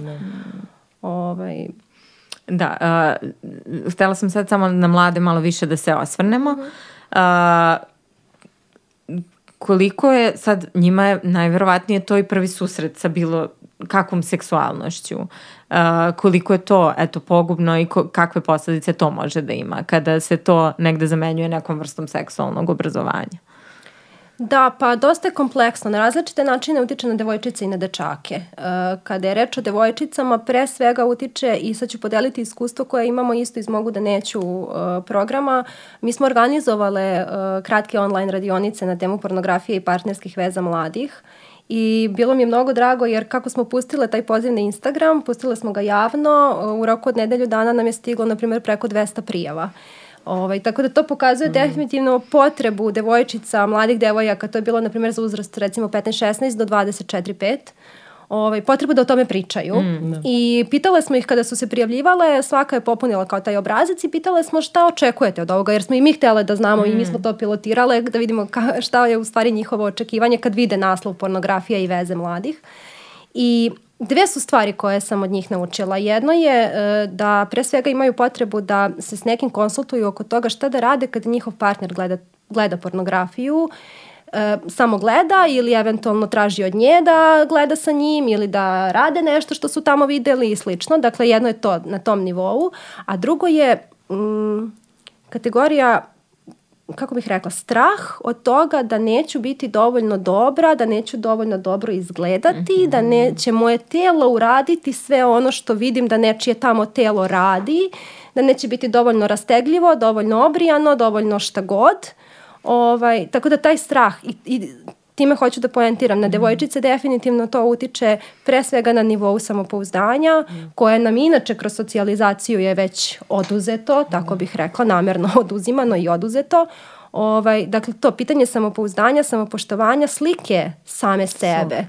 Jer mi... em, u nekom momentu ti dođeš onda možda i do toga da samu sebe seksualizuješ, hiperseksualizuješ, jer te svet posmatra kroz tu vrednost. Šalje ti poruku da si kao takva, da je to jedina tvoja vrednost, da budeš jel, za užitak nekome, nekome drugom. Uh, naravno da si heteronormativna sve vreme, Ovaj, I onda dolazimo do toga da, da, da samo sebe možda uh, uh, hiperseksualizujemo jer smatramo da ćemo jedino tako biti poštovane. Mm. Ne shvatajući šta to poštovanje zapravo podrazumeva i koliko je daleko od, od poštovanja. Sa druge strane, kada je reč o dečacima, nemam mnogo iskustva u radu sa njima, ali ono što znam da istraživanja pokazuju jeste ti si pomenula taj termin desenzitivizacija, dakle potpuno nekako otuđenje od, od toga šta seksualni odnos treba da predstavlja, um, isto tako razna očekivanja od toga šta muškarac treba da radi, ali prevashodno šta devojka treba da radi i koliko treba da se povinuje onome što, što on želi da se dešava, što na kraju dana zapravo sve više dovodi i do pojma zavisnosti. Mm -hmm. Dakle, mi sada u svetu, ne, ne znam za nas da li tako nešto postoji još uvek, ali uh, širom sveta se sve više stvaraju to kao specializovani tretmani za um, bolest zavisnosti od pornografije, što pokazuje ozbiljnost situacije i takođe uticaj na partnerske odnose pa i na seksualne odnose, mm. jer postoje neka novija istraživanja koje pokazuju vezu između impotencije kod muškaraca i, I gledanja, gledanja, konzumiranja uh, pornografije. Dakle, mi više tu žen, mi ne možemo da ostvarimo, odnosno oni ne mogu da ostvare fizički kontakt sa stvarnom ženom, koja je od krvi i mesa, koja ima dlake, koja mislim kao koje prdne, koja šta mm. god što je moguće da se desi mm. u toku seksualnog čina, ovaj, to, to je nezamislivo mm. i to zaista stvara onda... Otuđenje. Potpuno, otuđenje, da. jeste. I za jedne i za druge samo iz različitih, mm. iz različitih uglova. Uh, ja sam pričala s jednom telesnom psihoterapeutkinjom i baš kad smo pričala o ženama i seksualnosti, baš mi je bilo zanimljivo kako je rekla da većina žena uh, na svoj seksualni odnos gleda iz neke kamere koja je tamo mm -hmm. negde gore. Mm -hmm. Dakle, uopšte nismo prisutne u svom telu, nego i dok smo u odnosu, negde zamišljamo to neko oko, kako izgledamo sa strane, kako, iz te neke treće e, Kadriramo perspektive ka, kadriranja da. neke osobe koja je tu prisutna, umesto da to bude neki najintimniji čin i neki odnos gde smo najprisutnije zapravo, mm -hmm. jer smo telesno tu prisutne i emocijama i kako god, možda i ne mora bude emocija, ali tad smo najviše u sebi, a mhm. zapravo se gledamo iz neke zapravo tamo. Zapravo smo najudaljenije, najudaljenije i najdalje od sebe. Mislim da se razumemo, nije pornografija jedina koja to radi. Da. Mi mm -hmm. živimo u, i mislim da je neodvojivo pričati o tom. Pornografija je deo tog sistema, te mhm. kulture silovanja koja -hmm. postoji. Gde je nasilje, seksualno nasilje posebno normalizovano, rasprostranjeno, glorifikovano u nekom smislu čak i usađivano kao norma od malih nogu i taj strah od seksualnog nasilja počinje od toga prekrsti noge. Jer šta znači prekrsti noge? Ne budi dostupna na taj način. Šta znači kad ti kažu ono, nemoj da ideš kući sama uveče, pazi kuda ideš. Um, kad ti kažu nemoj pred bratom da trčiš gola, a pritom to gola znači da si u nekoj majčici i gaćicama i imaš šest godina.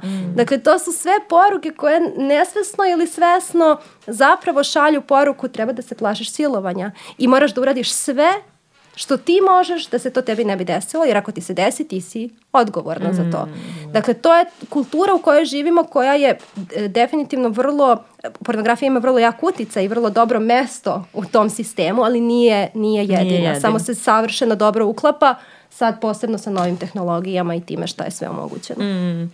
E sad kad pričamo o toj dehumanizaciji, izolaciji i veštačkoj inteligenciji, a, Mila ti si mi poslala taj članak da u Berlinu se otvara izvesna vrsta bordela gde za, zapravo posredstvom veštačke inteligencije ljudi konzumiraju seks sad i to je neka vrsta kao digitalnih bordela ili kako mm. već.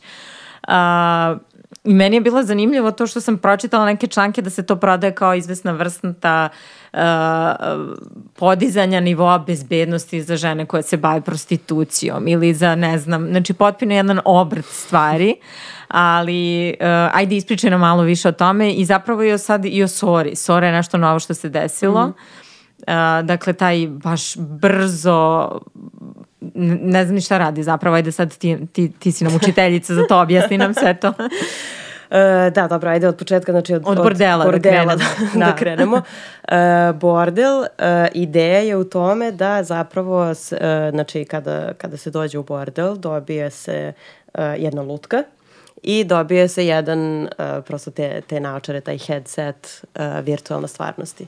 I onda uh, korisnici, jeli, ne znam kako da ih nazovem, mogu da izaberu koji, koji paket žele, koji film žele, to je sve snimljeno i oni su prosto pušteni u sobu sa lutkom, ali e, je celo njihovo iskustvo zapravo e, posredovano mm. tom, tom virtualnom realnošću mm. gde oni to gledaju. I mislim, sad, ako ćemo da pričamo o tehno-optimizmu mm. i, poz, i ne, ne, ono, pesimizmu i što god, meni ovo, mislim, možda prilično jedna od najodvratnijih stvari koje sam u poslednje vreme ono, pročitala, videla, koja se mm. tiče ovi, tog preseka tehnologije i, i ovaj, žen, ženskog postojanja, bukvalno. Uh, ja ne vidim u tome ništa ni mm. emancipatorski, mm. ni ništa što pomaže mm. ove, ženama na bilo koji način. E, da, dobro, možda može da zaštiti neke radnice, ali mi opet se ne hvatamo tu sistemsku pitanja toga zašto su te radnice toliko ugrožene na prvom mestu.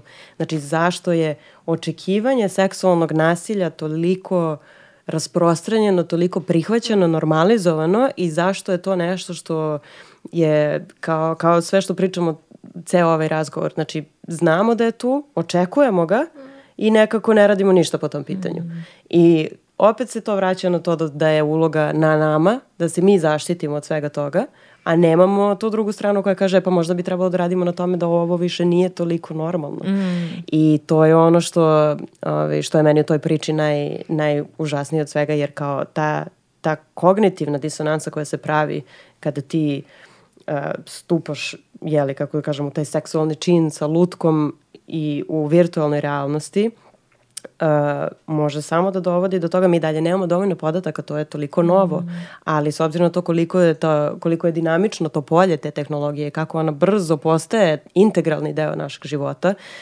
ja sam sigurna da ćemo mi u, u roku jedne generacije tek videti koliko to negativno utiče na, na međuljudske odnose, koliko je to teško kada ti onda posle moraš da, mislim ne moraš, ali ako želiš da stupiš u kontakt sa nekim što kažeš koji je od krvi i mesa, koji ima svoj mozak koji ima svoje preference koje nisu podešene na tvoje preference. Mm. Jer to je u stvari, mi se opet vraćamo na tu pažnju, opet se vraćamo na taj način kako sve te platforme funkcionišu i kako cela, ceo taj sistem tehnologije funkcioniše tako da privuče tvoju pažnju, a za uzvrat mi njima dajemo podatke o sebi, mi njima dajemo šta mi volimo, šta ne volimo, kak, šta nam odgovara, šta nam ne odgovara, tu onda možemo da proširimo priču i prosto na te, uh, te uh, sajtove gde, se, gde postoje ti kao veš, chat botovi koji mm -hmm. ponašaju kao virtualne devojke koji su isto generisani posredstvom veštačke inteligencije mm -hmm. i sve što ti pričaju, ti pričaju u odnosu na to šta ti njima govoriš da tebe prije, šta ti ne prije, šta želiš i šta ne želiš.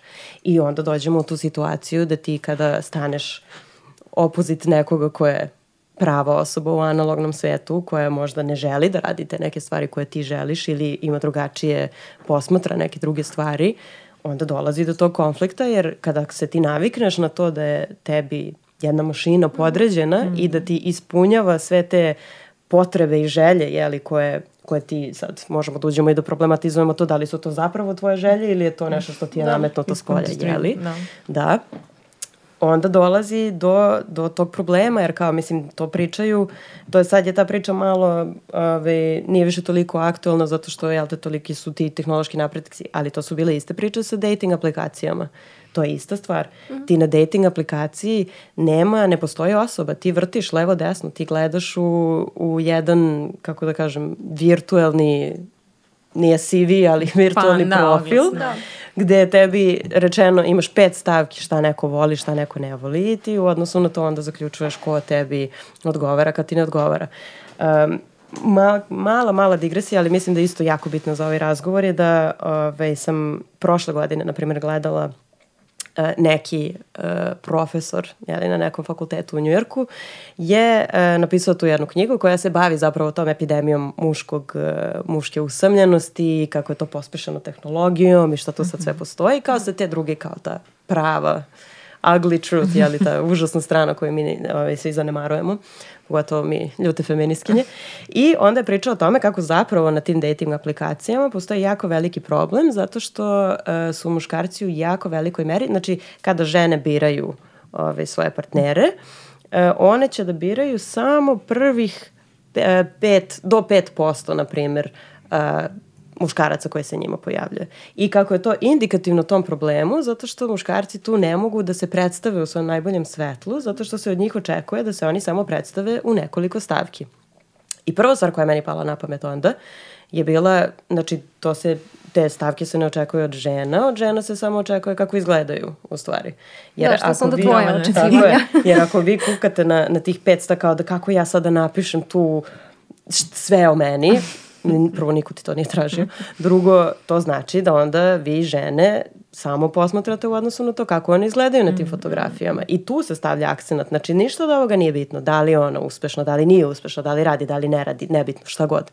Poenta je samo u tom vizualnom i samo u tom, kako, to je, jel te, seksualizovanom po, pojavljivanju. I sad ne kažem ja to zato što ja mislim da su sve dating aplikacije užasne. Mm. Apsolutno ne. Ali očigledno postoji neki i tu trend koji kada ga prepišemo samo na nove tehnologije koje se toliko brzo razvijaju, pokazuje da postoji nešto za što treba da budemo zabrinuti. Mm. Jel? Uh, što se tiče uh, Sore, uh, kada pričamo o ChatGPT-u, ChatGPT postoji godinu dana, malo jače od godinu dana. On je za malo jače od godinu dana bukvalno uh, Uh, kako da kažem, potpuno zarobio kolektivnu misao. Znači, mi ga, većina ljudi ga koristi u mhm. nekom kapacitetu. Znači, da li je to za pisanje mailova, za pisanje izveštaja, da li ga koristi za prosto kao neki substitut za Google mm. ili Wikipediju ili šta god. Uh, I opet ja sam u tom smislu, ja sam malo kao tehno, tehno pozitivistički mm. orijentisana. Ja mislim da stvarno nema ništa loše mm. u tim tehnologijama ako se one koriste odgovorno mm. i ako su one napravljene na transparentan način. Ja mislim da mm. isto tako su ljudi kukali za Wikipediju mm. i govorili ovo je sunovrat obrazovanja, niko više nikad neće napisati originalni rad, to je neistina. Mm. Znači to kada se tehnologija koristi... To su govorili i kad su počele knjige da se Tako štampaju, je. mislim. Tako je, kad se, kad se štampala knjiga, da. Ove, ali kada se te tehnologije koriste onako kako, evo ja da kažem, na primjer, ja zamišljam da bi trebalo, a to je kao pomagala. Tool, kao alatka. Kao neka alatka, da. da. Mm to može da bude fenomen, znači to može da pomogne na mnogo načina. Ali ono što je problem je što se one uglavnom ne koriste tako. Mm. Nego se one koriste uvek je mnogo lakše naći loš način da ga iskoristiš. I problem tu, da, leži sa njima, zato što tamo niko ne razmišlja, to je problem, to je ovo što pričamo sve vreme, niko tamo ne razmišlja o tome koje su sve mogući scenari loši za koje ovo može da se iskoristi. Mm. I zato je, ja mislim, na primjer, Sora užasno sad opasna, zato što je Sora je uh, novi, nova alatka koja je napravljena od strane OpenAI-a koji zapravo ovaj, je napravio ChatGPT, gde ti uh, možeš u odnosu na uh, prompt, odnosno na tekst koji ti pošalješ, da generišeš video, čitav video. I bukvalno iz ničega, znači ne moraš da im pošalješ ni, ni nikakvu, fotografiju, nikakvu referentnu ništa. fotografiju, Samo ništa. na osnovu teksta. On na osnovu teksta tebi generiše uh, video. I uh, to je sad krenulo da cirkuliše po društvenim mrežama, znači izbačeno je već, uh, nisam 100% sigurna, mislim da nije još uvek skroz dostupan svima, mm -hmm. znači postoje, samo su počeli u neke krugove da ga puštaju određenim ljudima koji znaju šta rade, jeli. I to su videi koji su stvarno, e, mnogo je teško videti da li da je, to, to pravo ili da. nije. Da, zato što, na primjer, imaju sad, mislim kao te prve snimke koje su oni puštali, ima, na primjer, um, uh, kako se zove, uh, čopor zlatnih retrivera beba koje se valjaju po travi mm -hmm. ili na primjer snimak uh, Tokija kad padaju kad je procvetalo ovo trešnjino drvo mm -hmm. ili ne znam uh, baka u Toskani koja mesi njoke. Uh, Jo, mislim da I, to videla. Pa, da.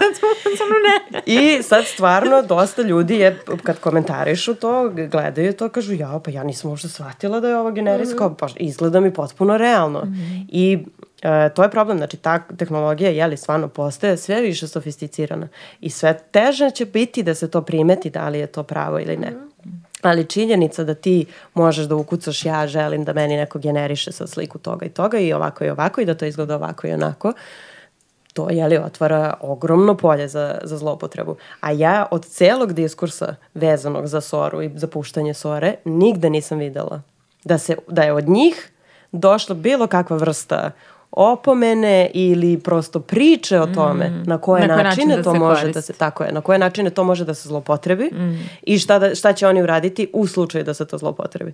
Tako da to naravno samo ostavlja još jedno polje da ćemo se ponovo naći u situaciji da će nešto od toga biti zlopotrebljeno i onda ćemo morati... Ako već nije. Ako već nije i onda ćemo morati retroaktivno. Pa da, nije još, ali to je isto, znaš, to je isto veliki problem. Oni su to u tom prvom krugu dali određenoj grupi ljudi koji su tehnološki obrazovani, koji prosto imaju neki smisao toga šta zašto će, za, zašto, za koja dobra može da se koristi to. Kad se to bude pustilo u javnu upotrebu, jer mi već sad znamo da tehnologija, znači ta deep fake tehnologija, sintetički sadržaj, generisanje tih vrsta sadržaja je ovaj, javno dostupno svima i uopšte ti nije potrebna neka velika, neko veliko znanje da ti to koristiš. I kad je to toliko javno dostupno, meni, meni, meni je nelogično zašto mi nemamo ovaj, neki, kako da kažem, taj disclaimer koji govori ovo, znači makar moramo da obeležimo taj sadržaj, ako mm. išta. Da kažemo da negde piše da je on uh, Pa generisan. da, znam da je, mislim da dosta medija koja, na primjer, koristi chat GPT, da najavi da je ovaj tekst Da. urađen u, u saradnji sa chat GPT-em ili šta već. Da. U saradnji, ja obožavam humanizam Saradnja, chat da, da, da, GPT, da, da. znači što je najveća greška, ono Da, uvijek. apsolutno. Da, ali sasvim bi bilo okej tek za video da se to definitivno obeleži nekako. Pa ne da bi bilo Da. okej, nego bi mislim je moralo, veoma da. ovaj, Pa podmoranje. čak i više od toga, morao bi nekako da, se zapravo unapred zaustavi ako ti Tako mu je. ukucaš da tražiš Da. Ne znam, pornografski Mhm. e, sadržaj sa od, likom određene žene da to odmah ti izbaci i kaže ćao zdravo, ovo ne možeš Ne da može, uradiš. da. Mm. Ali Mislim, u je idealnoj problem- situaciji, pošto naravno. toliko su kreativni, jel, za, za razne stvari, tehnologije, nove i slično, sigurno sam da bi bili kreativni i da to, Da, naravno. i da to naprave da žele. Pa da, žele, to je da. Mislim, Meni je ono što je pomoglo- meni, izvini, ono što je Aha. meni užasno interesantno isto na, na tu temu, baš sam pročitala juče, ove, su radili su neko istraživanje, kao pošto su pričali o tome na koje načine se izveštava o zlopotrebama ove tehnologije. I pogotovo kad se priča o deepfake-ovima, znači sad samo da, da nekako razjasnimo deepfake-ovi, možda smo trebali to na početku da, Da kažemo šta je deepfake, ali stavit ćemo zvezdicu e, u opis. Da, ovaj, deepfake-ovi u suštini E, to je to, znači preuzimanje određenog lika i korišćenje tog lika u najveći broj slučajeva, to je jel te, slika ove, lica i stavljanje tog lica na drugi e, sadržaj koji je isto već postojeći. Razlika između toga i e, Sore, na primjer, je to što Sora 100% sve Sama generiše kreira sve. sama. Da, znači ne mora da i se Znači, daje... olakšano je, uopšte ne Tako je. moraš da tražiš sad Da. dva, dve vrste materijala koje ćeš da sakupiš, nego je dovoljan tekst. I sigurno će se neko pojaviti ko će, jeli, prespojiti ta dva, da ti možeš da kažeš želim ovu fotografiju na ovom videu Video. ili na takvom videu ili šta god. Ove, ali da, ono što sam pročitala što mi je bilo jako zanimljivo je da kao kada se izveštava o tome na koje načine deepfake-ovi mogu da se zloupotrebe, u najvećem broju slučajeva se izveštava kako to može da se iskoristi za političku manipulaciju. Znači za širenje neistina o izborima, za zloupotrebljavanje likova političara, ali kad su radili istraživanje, shvatili su da je zapravo najmanji broj deepfake sadržaja je korišćen u svojstvo političke manipulacije i u skoro svakom slučaju u kojem jeste korišćen je korišćen kako bi e, prosto podigao e, svest o tome na koje načine deepfake sadržaj može da se zlopotrebi. Znači to su uglavnom bili slučajevi gde, ne znam, lik Borisa Johnsona ili kraljice e, tad ili, ne znam, Obame, ali oni u samom videu izgovaraju ovo je fabrikovan snimak da bi vam pokazali ka, na koje Kako načine ovo može da se. Da. zlopotrebi. A u najvećem broju slučajeva kad se kad mediji izveštavaju, ne izveštavaju o tome koja je broj jedan najviše, na koje naj, način se najviše zlopotrebljava, to je ovaj, pro- produciranje uh, pornografskog sadržaja ili seksualno eksplicitnog sadržaja bez saglasnosti i Mislim, to je, to je i kod nas, nažalost, tako. Kod nas je takva situacija, ta uh, Teodorina priča i priča tih drugih devojaka iz Batajnice je, ja sam to videla u dva medija. Nigde dalje od toga. Uh, slučaj sa Novog Beograda možda bio u par medija, ali po mom mišljenju Opet toliko... na neki senzacionalistički način. Toliko bez nekog- senzacionalistički i toliko površno, opet se vraćamo na tu površnost. Nije, kad ne, ne, stavlja se, mislim, posmatra se, ja bih rekla, endemski. Znači, ne gledamo ga kao problem celog društva, ne gledamo ga kao problem u, ko- u, u kontekstu toga kako se mi socijalizujemo kao društvo i zašto dolazi do toga, nego ga gledamo kao moramo da nađemo način da zaštitimo svu našu decu, deca ne smiju da imaju pristup internetu i e, sve su ih uništili pogrešne vrednosti koje dolaze sa zapada, mm. na primjer. Što je toliko daleko od toga gde, gde smo mi stvarno i Zato i mislim generalno da je užasno važno što pričamo o tome, jer kao i, i ti si to juče pomenula, toliko malo sadržaja ima kod nas mm. o tome. Mm. Jer, ok da mi gledamo šta se dešava jeli, na zapadu, tamo, tamo u Americi, mm. šta god, ali mi, nije sad više poenta kao mi smo sad kren, to je krenulo kod nas. Ne, ne, to postoji kod nas mm. već uveliko. Znači samo moramo da nađemo način kako da kako da s jedne strane prosto objasnimo ljudima šta da rade u tim situacijama kad se to desi, ali mora, mislim, tu sad pričamo o tome šta bi država trebalo da radi, koja je njena odgovornost, ali... Mm. A nisam velika sigurna, je. velika je, ali nisam sigurna uopšte. Ali ne čudi me da je, ne čudi me da su žene i devojčice najčešće, najčešće žrtve. Da. Mislim, prosto je takva, tak, ta, ta, takvo nam je viđenje, patriarhalno viđenje seksualnosti kao takve, da u stvari stid i krivica i sve ide na njih. Da. I onda čak i da se desi nešto, nešto slično nekom dečaku, to bi bilo, bila bi fora, bila mm -hmm. bi šala, mm -hmm. bilo bi ovaj, možda bi on bio i povređen u nekom smislu, ali ne na načine tako duboko koliko, jer kao naslage patrijarhata 3000 mm. godina su potpuno različite mm. od toga da te neko sad ovako zeza jer, jer je tvoja, tvoje lice stavljeno lice, na, neku, da. na neku fotku. Potpuno je drugačije da. kada je reč o devojčicama i o dečacima. Mislim, ja pre svega govorim o mladima jer tu da, imam najviše, najviše kontakta, ali i to, i da. žene da. i, i, i muškarci takođe. Uvek se stigma i stid i sramota i sve svede na, na, na odnosno svali na, na svali ženu. na ženu, da. Mislim, meni je najsmešnije što je jedan od komentara baš za taj, novi, za taj slučaj na Novom Beogradu, uh, koji je anoniman, naravno, mm -hmm. ali je glasio, e, pa zašto one, na primjer, sad te devojčice ne generišu za njih neke kao uh, gej mm -hmm. pornografske sadržaje, mm -hmm. pa da, kao da vide oni, mm -hmm. i mhm. sad I to je to, ti si onda opet u, to, u tom si krugu, Hajde znači... da podstičemo homofobiju. Kako će, to, mm -hmm. da, i jedini način na koji ti možeš, jeli, njih sad da kao, ne čak ni, ne, ne možeš da im uradiš isto to ne što možeš. su oni uradili, ali kao da ih poniziš na taj način što ćeš ti da pokažeš da su oni geji. Ili kao da, da je to jedini način na koji ti možeš njima da da doskočiš, mm, jeli? Mm. I da nije uopšte poenta da, ne, to ne treba nikome da se dešava, mm. niko ne treba da koristi to, tu tehnologiju, mm. nego zašto, zašto jedini način je to kao sad os, os, jeli ta osveta mm. takozvana mm. koju toliko silno pričamo, ali na sve pogrešne načine koje je opet duboko utemeljeno u tom sistemu u kome, u kome mi postojimo, u kome se socijalizujemo, u kome odrastamo. Uh, i koja je puna svih tih problema. Mm. Uh, meni je strašno kad pričamo o mladima i ovi podaci kao od, ko, od kog doba su oni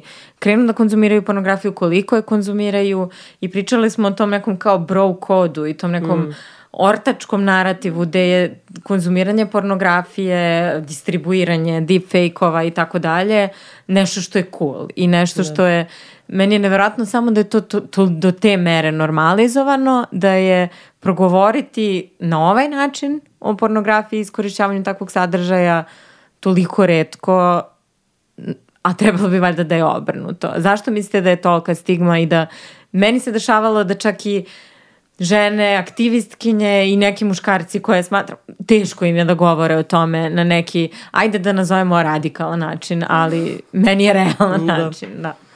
Pa možda baš zbog tog tolike normalizacije, mm. um, to je jedno. Drugo, um, možda i zbog uh, upravo to, posebno među ženama, opet taj neki stid i to mm. da, da seksualnost treba da ostane u sferi intime, da treba nekako da o tome ćutimo, da ne govorimo, mm.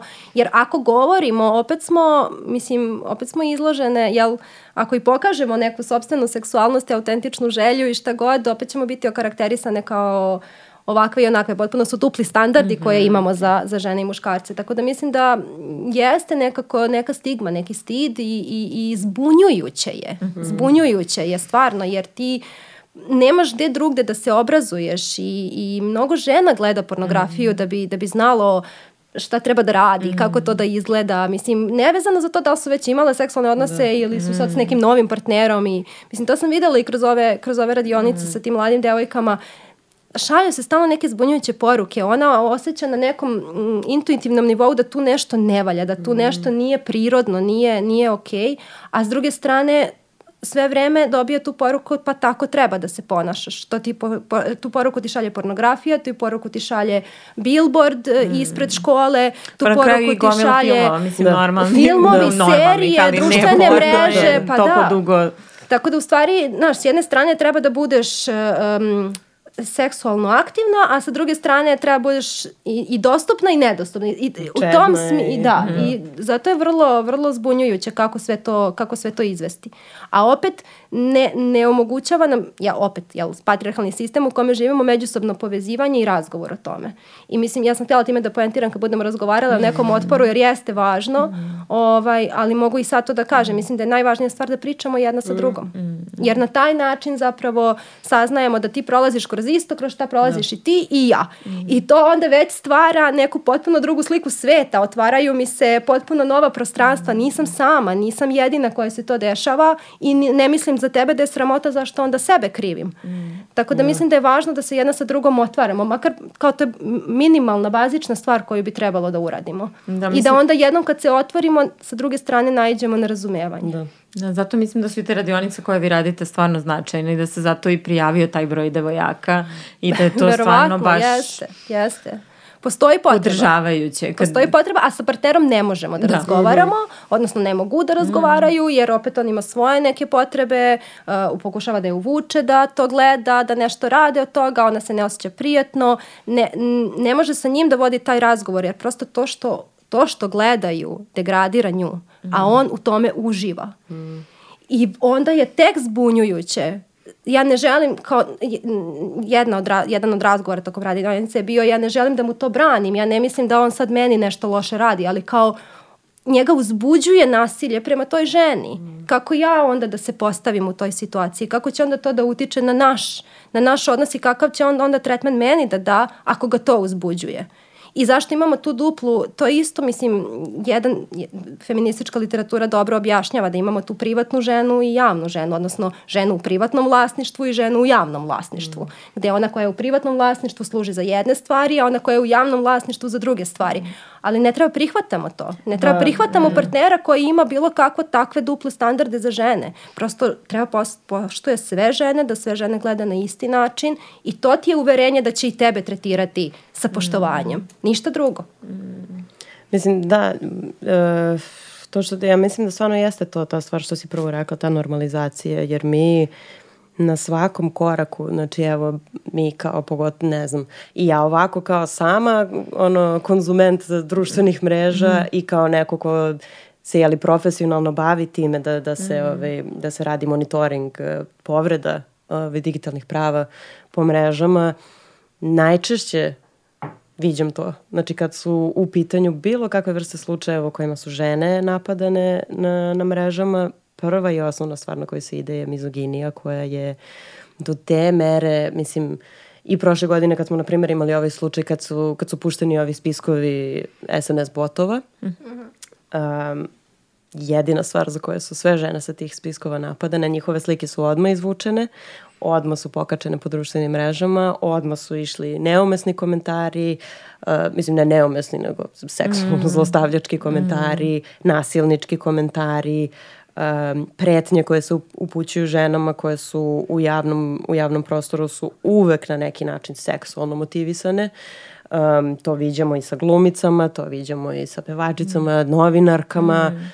Uh, uvek se ide na to. Znači, to je prva i osnovna stvar je to što ti kažeš održavanje te kulture uh, seksualnog nasilja prema, prema ženama kao uh, prosto načina uh, kontrole Mm. I to je, da li je sa jedne strane oni to rade zato što je kao imponujuće kad hoće da laskaju ili sa druge strane kad hoće da te prekore ili da te na neki način ovaj, da uh, se ne slažu sa time što radiš. Mm. Uvek je u celoj biti to taj seksualni aspekt. I onda mislim meni se jako puno dešava da meni to kad se priča sa nekim ljudima, pa onda oni kažu, ma dobro, nije, ajde sad ti kad sad to preveličavaš, baš ti baš gledaš baš u to. I ja kažem, da, ali to je tu je. Mislim, mm. ne možeš da ga izbegneš. Jeste, užasno je, teško je pričati o tome i, i, i ne, mislim, ceo ovaj prvi deo razgovora dok si ti pričala, meni osetila sam, mm. znaš, težinu i kao nekako i onda se boriš sa tim osjećanjima da li ti je neprijatno ili ti je, ili mm. ti je samo užasno teško ili kao šta je, ali ti je toliko, u stvari lakše to što ti kažeš kad pričaš o tome i kao koliko god je to strašno, ne treba da bežimo od toga što je to strašno, nego treba da ga poentiramo, treba da skrećemo pažnju na to Jeste strašno i dešava se, ali ako ne pričamo o tome, samo će nastaviti da se dešava. Jer, mislim, to je nekako mi se čini kao nit koji nam se provlači kroz ceo razgovor, je koliko je to normalizovano. Mm -hmm. I to nije problem nas u Srbiji. To je problem da. celog sveta mm. na kraju dana, svuda, samo u drugačijim va varija, varijacijama. Mm. Ali ta nit postoji svuda i kao zato je toliko važno i to je ono što je doneo taj internet što je toliko fenomenalno, što ti možeš da vidiš da neka devojka u u, u Brazilu i neka devojka u Indiji i neka devojka sa, ne znam, Tonge mm. ili Maršalskih ostrava proživljava isto to što ti mm. proživljavaš i osjeća se apsolutno isto kao i ti. Jer to je ono kad, kad shvatiš da je taj osjećaj isti, nezavisno od tog konteksta, mm. onda shvataš koliko je to jedan sistemski problem mm. koji, koji je toliko duboko ukorenjen u nama i koji ne, jako je teško i to sam ponovila bih opet to istraživanje da kao mi se kao generacijski o, toliko, toliko idemo u suprotne strane, toliko žene postaju što su više emancipovane, što su više liberalne i posredstvom toga interneta i posredstvom toga što mm. mogu da se povezuju, to su muškarci više konzervativni. I to je mislim, stvarno jezivo, meni je to je baš to poražavajuće. patrijarhata, moraju da te da, vrate. Da, I ne, da i ne kažem ja naravno da ne postoji žene koje su tu, koje su konzervativne, što je isto još jedna dodatna dimenzija mm. toga, te internalizovane mizoginije i tog tog nemogućstva da se ti izboriš sa time, pa misliš da je možda bolje da si ti u tome, pa makar si na toj strani, mm. pa ti onda kao lakše, u stvari ti nije lakše. I svi muškarci koji ispaštaju zbog tog patrijarhata, koji isto tako sede, pa možda moraju da gledaju te porniće sa svojim drugarima, a ne žele da ih mm -hmm. gledaju. Ili ne znaju kako. Ili možda neki od tih koji sede sa, sa svojim devojkama, pa možda kad bi ona počela da priča s njim o tome, možda bi on shvatio, možda bi se promenilo mišljenje. Znaš, kao ima hiljadu i jedna varijacija tu gde, mm. gde možda može nešto da se uradi, ali stvarno prvo i osnovno je to priča. Znači, nećemo da prihvatamo to kao normu, nećemo da kažemo da je to okej. Okay.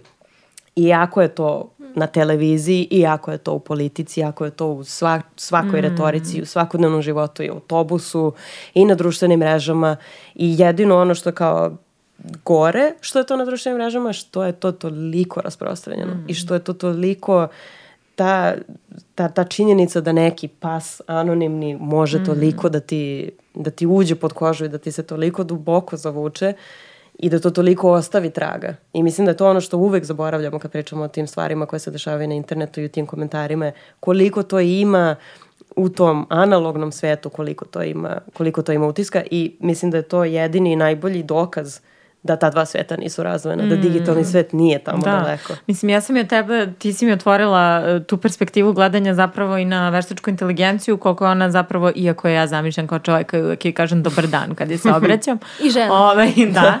E, koliko ona diskriminatorna, baš kao jedna ogromna baza podataka, koliko se i u njoj odmah ogledaju neki mm. narativi diskriminacije. Tako je, da, pa to je ono što, što vidimo, mislim, kao i za sve druge uh, oblasti i sfere. Mi znamo da je medicina, anatomija, jeli to je sve krojeno po, po, ovaj, po muškom telu, po muškoj anatomiji. Uh, ne znam, zdravstvo, to, farmacija. Zdravstvo, farmacija, apsolutno sve. Mm. Mislim, neko mi je skoro pričao, ne mogu ni da se seti tačno, ali kao i, i pojasevi u kolima, znači da. način mm. na koji oni kao airbagovi, mm. kao sve je krojeno po jednom uh, i te, telesnom da. idealu, jeli, koji mm. nije naš. Mm. I mi smo opet tu izopštene. Mm. I to je ono što mi vidimo, e, to je kao užasno interesantna ta priča kad ljudi krenu da pričaju o tome da li je veštačka inteligencija, da li ona može da dostigne taj nivo da ona nas prevesla, da li je ona autonomna, da li je ovako, da li je onakva. Nije. Zato što ona operiše u odnosu na podatke koji su njoj dati podaci koji su njoj dati, na primjer chat GPT, sve informacije koje chat GPT daje, postoje. Znači, to su iz baza podataka svih sadržaja koje mi mm. plasiramo na, na inter, sve što postoji na internetu. Mm. Sve što postoji na internetu napravljeno je od strane nas, jeli? Mi mm. smo ta, kako, kako se kaže u tom, u, u tom neoliberalno te, tehnološko-kapitalističkom svetu, kako bi Šašana Zubov rekla u, u, u tom uh, kapitalizu nad, nadziranja, ti si, ni, nisi ti više ni proizvod, ti si samo posrednik ti daješ svoju snagu, tvoj, tvoj rad, a tvoj rad je u stvari, su tvoji podaci. Mm. I sve što ti ostavljaš, sve što radiš za džabe. Svaki put kad odeš na sajt pa ti on traži ono da popuniš ono kapču da nisi robot, ti si njima za besplatno sada uradila, ti si istrenirala dodatno njihove, mm. njihove sisteme. Mm. I to je sad, mislim, to, to je predaleko smo mi otešli sa tim, to, to već jako dugo sebe, traje, da. da mi ne možemo sad ništa da uradimo da se mm. to zaustavi, ali ono što možemo da uradimo je da kao osvestimo to i da onda kažemo da, ali ako ćemo mi da pravimo ove sisteme kao što je Sora ili kao što su uh, drugi generativni, sintetički mediji generativni sistemi, mi moramo da vodimo računa o tome na koje načine su ti sistemi prosto pristrasni. Koji su to, koje su to ti biases, jeli, te pristrasnosti koje postoje u tim sistemima, zašto postoje? Zato što su A, ih... postoje. Postoje, mm. da. I mi to sad, mislim, vrlo očigledno znamo. Mm. Postoje zato što su ti podaci skupljeni na određene načine da bi dokazivali određene stvari i Uh, na primjer, u tim bazama podataka najviše će biti, jeli, to, to je, mislim, sad već su urađene nebrojane količine tih uh, istraživanja gde ti sistemi biometrijskog prepoznavanja lica najbolje, pra, na, najbolje prave razlike između belih muških lica. Najgore prave razlike između crnih ženskih lica. Mm -hmm. I To je to, mhm. znači tačno se vidi kome su ti sistemi podređeni prema kome rade. Imamo već nebrojeno puno slučajeva kako su ti te tehnologije jeli, e, biometrijskog nadzora korišćene po svetu, u Americi, koliko puta su omanule, koliko puta su um, e, iskorišćene pa su dale pogrešan rezultat, jeli, e, kažu da bi trebalo da se uhapsi pogrešna osoba koja je već u zatvoru, a to je naravno mm. crna individua koja sedi tu i izražava kaznu za nešto, ali sad pojavio neko, mislim kao i to je mm. toliko već, toliko je rasprostranjeno. I samo nekako to, i da, taj diskurs je uvek nekako marginalizovan, jer kao jeste, jeste, dobro znamo da te stvari se dešavaju, ali Nije, nije to toliko bitno.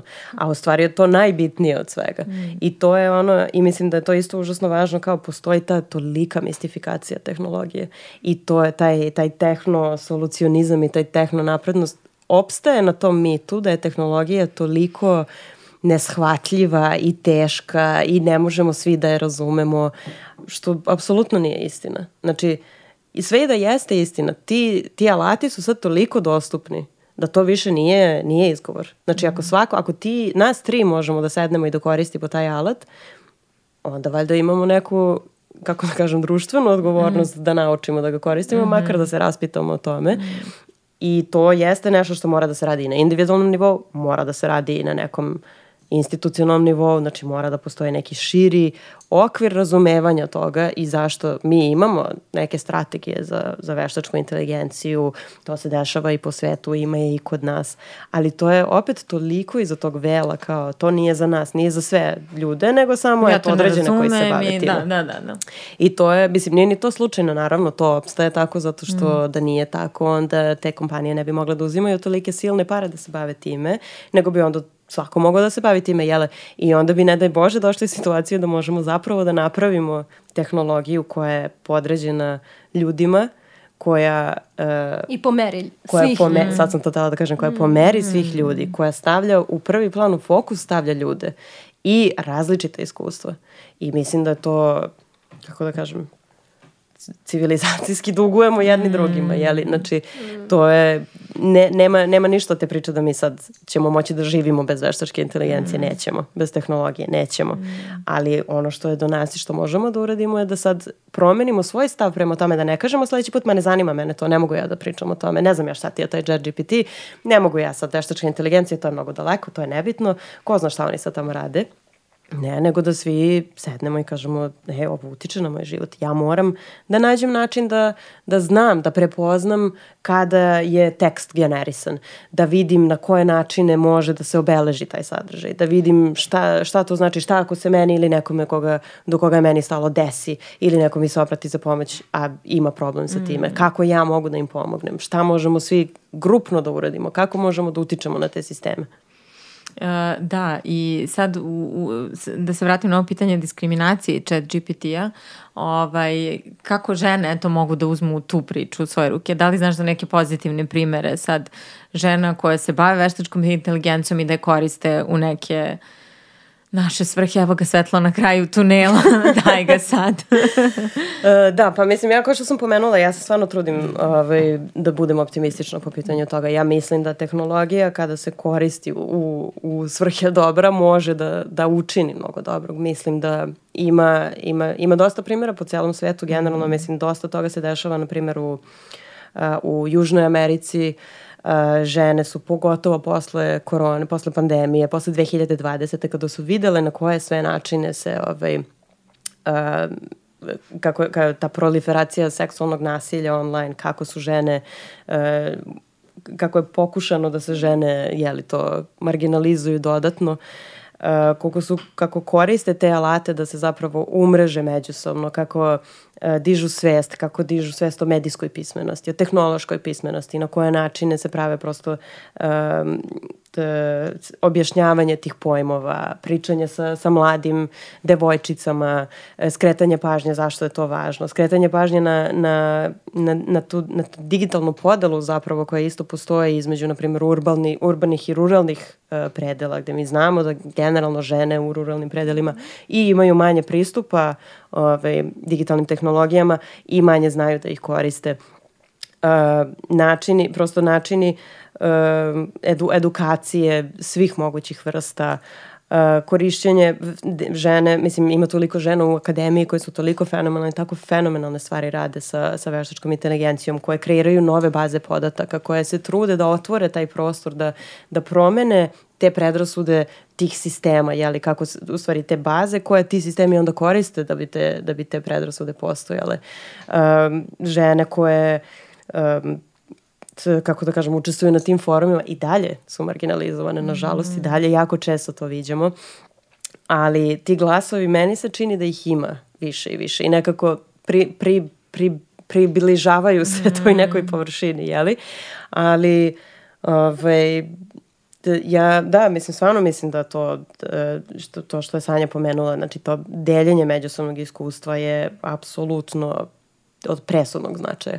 Jer kada znamo da nismo same o tome, kad znamo da se nije samo nama dogodilo i to, to prosto odmah menja nekako situaciju, kao makar malo ti odmah padne nekako kamen mm. sa, sa srca, znaš da nije, nije, nije samo do tebe. Mm. E, sad Sanja, ja ću se vratiti malo isto, setila sam se jednog pitanja koje zapravo kad sam se spremala za ovaj razgovor, moram, eto sam, sad mi pomozi, meni je na primjer literatura Andreja Dvorkin jako značila mm. kad govorimo o ovoj temi i ona je, mislim da je, ajde, možda najglasnija neka uh, aktivistkinja za taj antipornografski pokret mm. ili kako već i negde sam ja prva saznanja tu i kod nje ovaj, čitala i, i ima, no, ima čak jedno predavanje koje je držala online uh, pornografija se dešava ili tako nešto mm -hmm. se zove, koje je stvarno odlično, eto, mo, svako koga interesuje tema može da ukuca i da ga nađe. Ali onda sam našla na neke članke kako postoje kao feministički porno filmovi i mhm. kako sad, i sad me zanima šta ti misliš o tome da li uh, pornografija može da bude nedegradirajuća? Pa mislim Znam da... da ima ta čuvena neka Erika Lasti, uvek je neko, da, kad da, ja da, pričam, da, da. oni su Erika Lasti, kao šta misliš o tome? Uvek me... Da, ne znam mnogo o Eriki, da. iako sam čula za to da. ime. Ovaj, ja verujem da mm, fantazija može da bude nedegradirajuća. Mm. Verujem da mašta može da bude nedegradirajuća, verujem da međuljudski odnosi, uključujući i heteroseksualne, mogu da budu nedegradirajući. A, da li pornografija to može da bude u okolnostima u kojima danas živimo, nisam sigurna. Mm. Nisam sigurna, jer mislim da um, kao što sam rekla, vraćam se sad na to, to mi je prva, prva asocijacija, e, jer uvek kažu, ali im, znaš, kao postoji pristanak, nismo možda to mhm, dovoljno, mm -hmm, dovoljno razradile u toku mm -hmm. razgovora, važno je, postoji pristanak, postoji saglasnost, um, u kojim uslovima je dat taj pristanak, e, kako je došlo do te saglasnosti, znamo li na šta dajemo saglasnost, Pa sve i da sam ja od malih nogu sanjala da budem porno glumica, da li sam zaista sanjala da će ispod mog videa da bude naslov takav kakav mm -hmm. jeste i opet ne želim da to izgovaram, mm -hmm. toliko je dostupno. Mm -hmm. Ovaj, toliko degradirajući, ovaj, na, mislim da ne. Mm. Ovaj, tako da mislim da je to važno i druga stvar u vezi sa pristankom jeste ta da ja nekako generalno imam problem i sa samim terminom, jer mm -hmm. kad mhm. kažemo da pristajemo na nešto, mi mm. pristajemo na nešto što je nečije, nekako ne podrazumeva opet se vraća na taj pojam Na to ja. autentične želje, autentične strasti, autentične Da, opet ti potrebe. pristaješ na ti pristaješ nešto. na nešto. Da. Ok, mislim, nije ti loše, nije ti možda ni dobro, pristaješ na to. Mhm. Ovaj, ali, ali ne podrazumeva tvoju Autentičnu tvoju ličnu želju, želju, da. tvoju ličnu strast, tvoju ličnu neku kao potrebu um, sreću, kako god, zadovoljstvo. Ovaj, tako da mislim da mm, zapravo sam u odnosu na tehnologiju možda više tehno-optimistkinja nego u odnosu na patrijarhat i, i, patrijarhu i, ovaj, i, i, i, i patrijarhalni seks generalno, jer mislim da nam to pornografija čini i to sam u stvari isto htjela, htjela da kažem u nekom momentu da nije samo stvar pornografije, stvar je generalno javnog diskursa o seksu, ako ga uopšte ima, kakav je. Jer mi nevezano za pornografiju mi koristimo termine to kao on je nju uzeo, ona je primila, ona, znači uvek je ta neka podela gde je on uvek Nešto u aktivnoj situaciji, ona je u potpuno pasivnoj situaciji i, i položaju i, i, i, i nikako ne dolazi do izjednačenja, nikako ne dolazi do toga da mi počnemo da govorimo o tome šta seks uopšte jeste. Jer kao imamo toliko problema, toliko svega, znamo, navodno znamo šta ni, ali šta jeste? Je li to on je nju uzeo, ona je primila, ona mu je dala? Je li to seks? Želimo li da to bude seks kao, kao pojam, kao, kao fantazija, kao mašta? Ili tu ima još neki, želimo li samo da pristajemo ili želimo da to bude i nešto naše? Tako da mislim da generalno moramo da malo um, razbucamo taj pojam seksa kao takvog, pa onda i uključujući i seksualno nasilje. Jer je vrlo, vrlo povezano u, u, u toj kulturi silovanja u kome živimo, te dve stvari često nekako zapravo idu zajedno, makar taj diskurs o seksu mo- mora da se, da se Jeste, promeni. mi pričamo ovde o pornografiji, a mislim ja sam to isto u nekoliko navrata pričala. Nama su se ovde, naročito ovde na Balkanu, kroz mainstream film, totalno toliko dugo plasirale scene seksualnog nasilja kao seksa. Jeste. I to kroz komediju, kroz šalu, kroz bez ikakvog preispitivanja da li bi to trebalo tako da izgleda. Ja mislim da, izvini, prošle godine je bio slučaj, ne znam da li ste to ovaj, uh, videle, kada je uh, Adobe, znači Photoshop je razvio isto jedan svoj svojevrsni alat kao veštačke inteligencije koji u stvari ti, znači ti mu daš fotografiju, ali onda ti on dopunjava fotografiju mm -hmm. veštačkom inteligencijom. U suštini on pretpostavlja šta bi trebalo da postoji kad ti proširiš okvir fotografije i slično. I onda je uh, Istok Pavlović postavio video na TikToku gde on kao pokazuje kako se to koristi. Da, i zaboravila sam na to. blokirala, potisnula se. I iskoristio je fotografiju iz uh, Severininog uh, snimka. Jeste, sad sam se setila, jeste. I uh, ja sam onda to, mislim, posle tog inicijalnog šoka, ovaj, baš sam gledala sam zapravo šta, kako ljudi, koji su komentari, šta se dešava.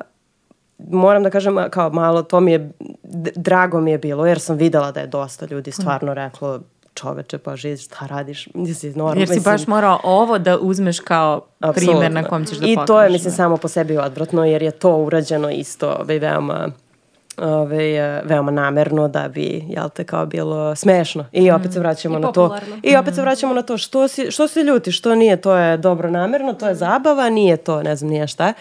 I to je, znači, koliko, 17, 17 godina nakon, i više, možda čak nakon što taj snimak izašao. Da neko opet reprodukuje Tako materijal iz tog snimka Da. bez tvog znanja, bez tvoje saglasnosti.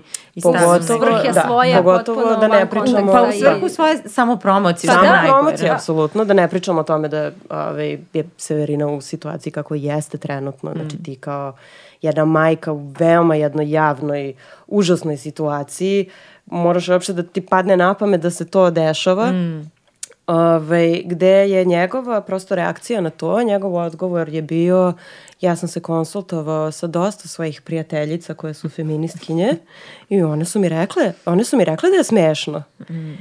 I ne znam sad možda stvarno ja meni to ja nikada ne nikad neću moći da pređem preko toga jer to se opet jel te žene su jedna homogena jedan blok pa kao ako je njoj smešno onda je možda smešno i njoj ali dobro sve i da jesi nisi se konsultovao sa ženom koja je na tom snimku zašto, zašto je to, znači ako imaš opravdanje, kao ako Ja jedna žena kaže da je u redu, to što je rekao, ali- Pa mislim, ne mislim ni ja, Da. naravno, ali to je na kraju slučaju nebitno, Da. ali kao, ok, onda je trebalo sa njom.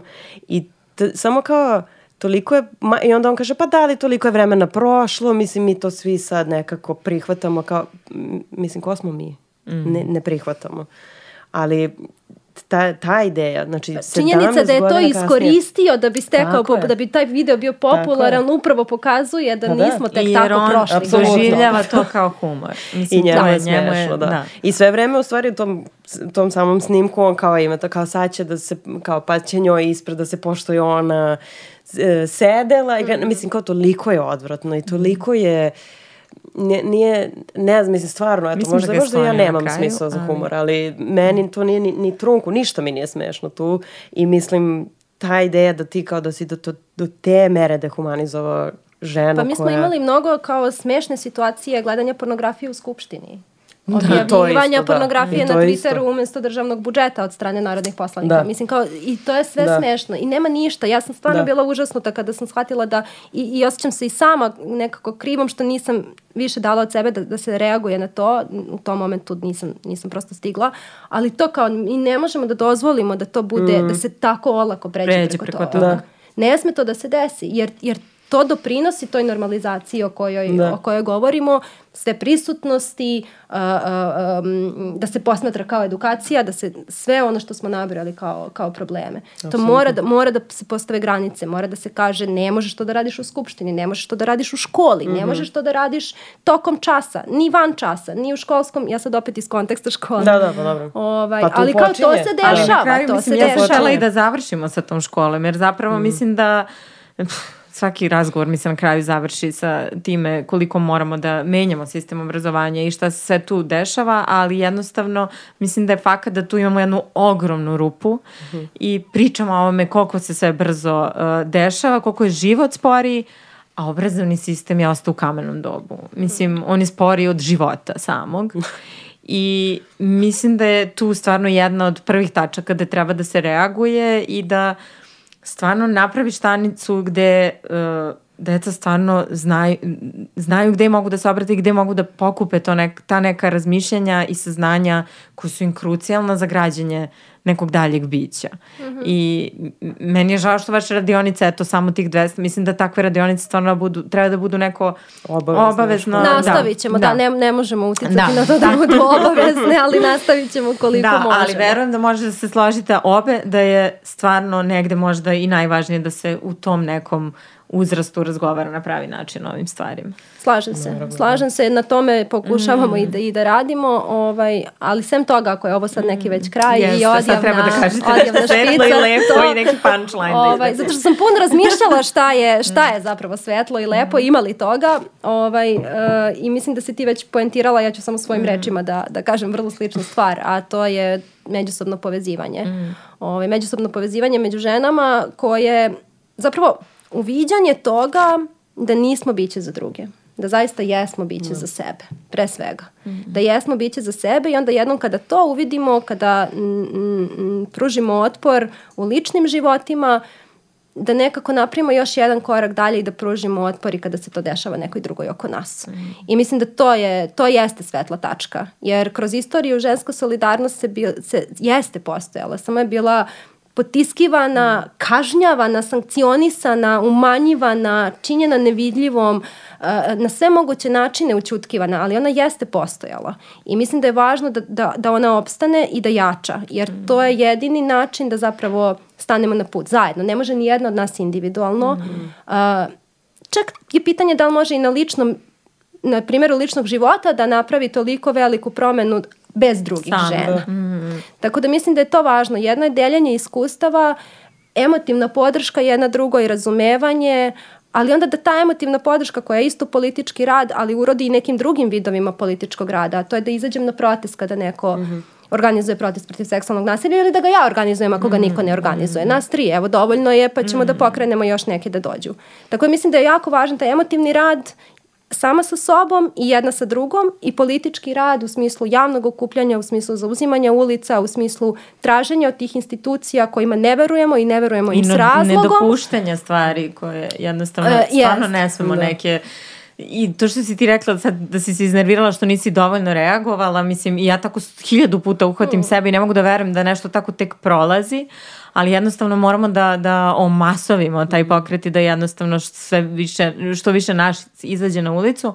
A kad pričaš i o toj solidarnosti, ja znam kad sam sada čitala uh, neke početke tog pokreta protiv pornografije i protiv seksualnog nasilja u tom kontekstu, e, da se vezuje za Gloriju Stajnem kad se infiltrirala među kono, konobarice u, u klubu Playboy, gde se pravila da je zečica i onda je izašla sa tom pričom koja se zove, ja mislim, priča o zečici mm. i među, bila je među jedna od prvih koja je obelodanila količinu mizoginije nasilja koje se tamo mm -hmm. dešavalo iza tih vrata i možda otvorila ta vrata za kasnije priče i progovaranja, mislim da, da je to stvarno jako važno i da možda ako neki od nas nisu dovoljno jaki i dovoljno hrabre da ispričaju svoje priče, da možda budemo te koje će da saslušaju, da ih upute, da negde ispričaju tu njihovu priču na neki, kroz neki drugi megafon ili kako već, ali da jednostavno i to, ne, ne, ne smemo i ni njih da pritiskamo ako nisu spremni da progovore, jer to su, sad si pričala o devojci iz Batajnice,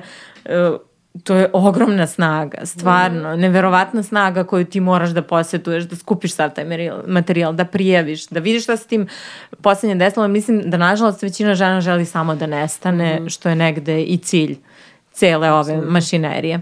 Da, ali je podrška da progovori ali, da. makar sa najbližom yes. osobom, sa najboljom yes. drugaricom, sa nekim, jer, jer se trauma prevazilazi tako što počinješ da pričaš da. o traumatskim yes. iskustvima. Da. Da. da. Ne moramo sve da budemo na ulici. Yes. Mm -hmm. Super bi bilo, ali ne, ne moramo. Nije, mm. nije, nije nužno, nije neophodno. Mm. Pa da, treba da to budemo ovaj, produžena ruka i produženi glas za to ako, se, ako neka ne može, možda mogu ja. Da, A kad ne budem i ja mislim mogla... da eto, ako pričamo o nekim dobrim stranama interneta, to jeste što nam je pružio to da Absolutno uvidimo neke tuđe pozicije drugih žena, da preispitamo svoje privilegije na osnovu mm -hmm. tih i to je stvarno jedna, jedna vredna stvar koju treba eto, da koristimo što više. Pa da, ja mislim da su to te, u stvari, da, time ću da završim isto pozitivno. Ne, ovaj razgovor nema kraja, sam malo. Ove, ali ne, stvarno jeste pozitivno, jer to baš što sam rekla kad sam videla to za tog Istoka Pavlovića, jedino što mi je tu bilo pozitivno je što sam videla te reakcije ljudi koji su stvarno kao bili mm -hmm. šoki, mislim, mm -hmm. zgroženi time. Uh, kad se, kad je bio, kad je bila, ovaj, nisam prijavila, kad je zapravo taj Too se prelio kod nas, kakav god da je bio, koliko god, oni rekli možda nije u brojevima bio koji ovaj, ko, kao i originalni jeli ili što mm. god, nije bitno, zato što je to samo, čak i taj, ta grupa, ja kad sam, i kad sam to čitala i kad sam videla te devojke koje, koje pišu šta se njima dogodilo, pa i nekako, ne znam, čini mi se, sve više se dešava, na primjer, da devojke pričaju o, o e, partnerskom nasilju, na primjer na Instagramu, pa kad kačete slike, te fotografije koje su stvarno srceparajuće i jezive, i kad se to deli dalje, mm. pa i svaki put kad neko pomisli pa čemu to služi, to je samo kao opet neko resenzacionalizacija, ponovo nije, zato što to je, jeste, ne, ne, u neku ruku jeste katarzično, jer ti mm. si to pustila iz sebe i to je ono što je stvari glavno, jer cela ideja toga da oni tebe postave u tu ulogu da se ti skloniš, da nestaneš i da ti nosiš ceo taj bol mm. sa sobom. Teret, I da, da, da na tebi ceo taj teret i da ti osjećaš tu brigu i taj strah mm. i sve to i neizvesnost i kako, kako ću ja dalje da živim. Ali kada ga pustiš, ti ga vraćaš tamo gde je njemu mesto, mm. jeli? Zato što ti dobijaš tu potvrdu od svog okruženja da nisi ti ta koja je mm. tu u krivu ili nisi ti ta koja mora da nosi sve to. Mm. Nego je problem u, u toj osobi koja ti to radi. Problem je u toj osobi koja govori da to što se tebi radi je okej. Okay.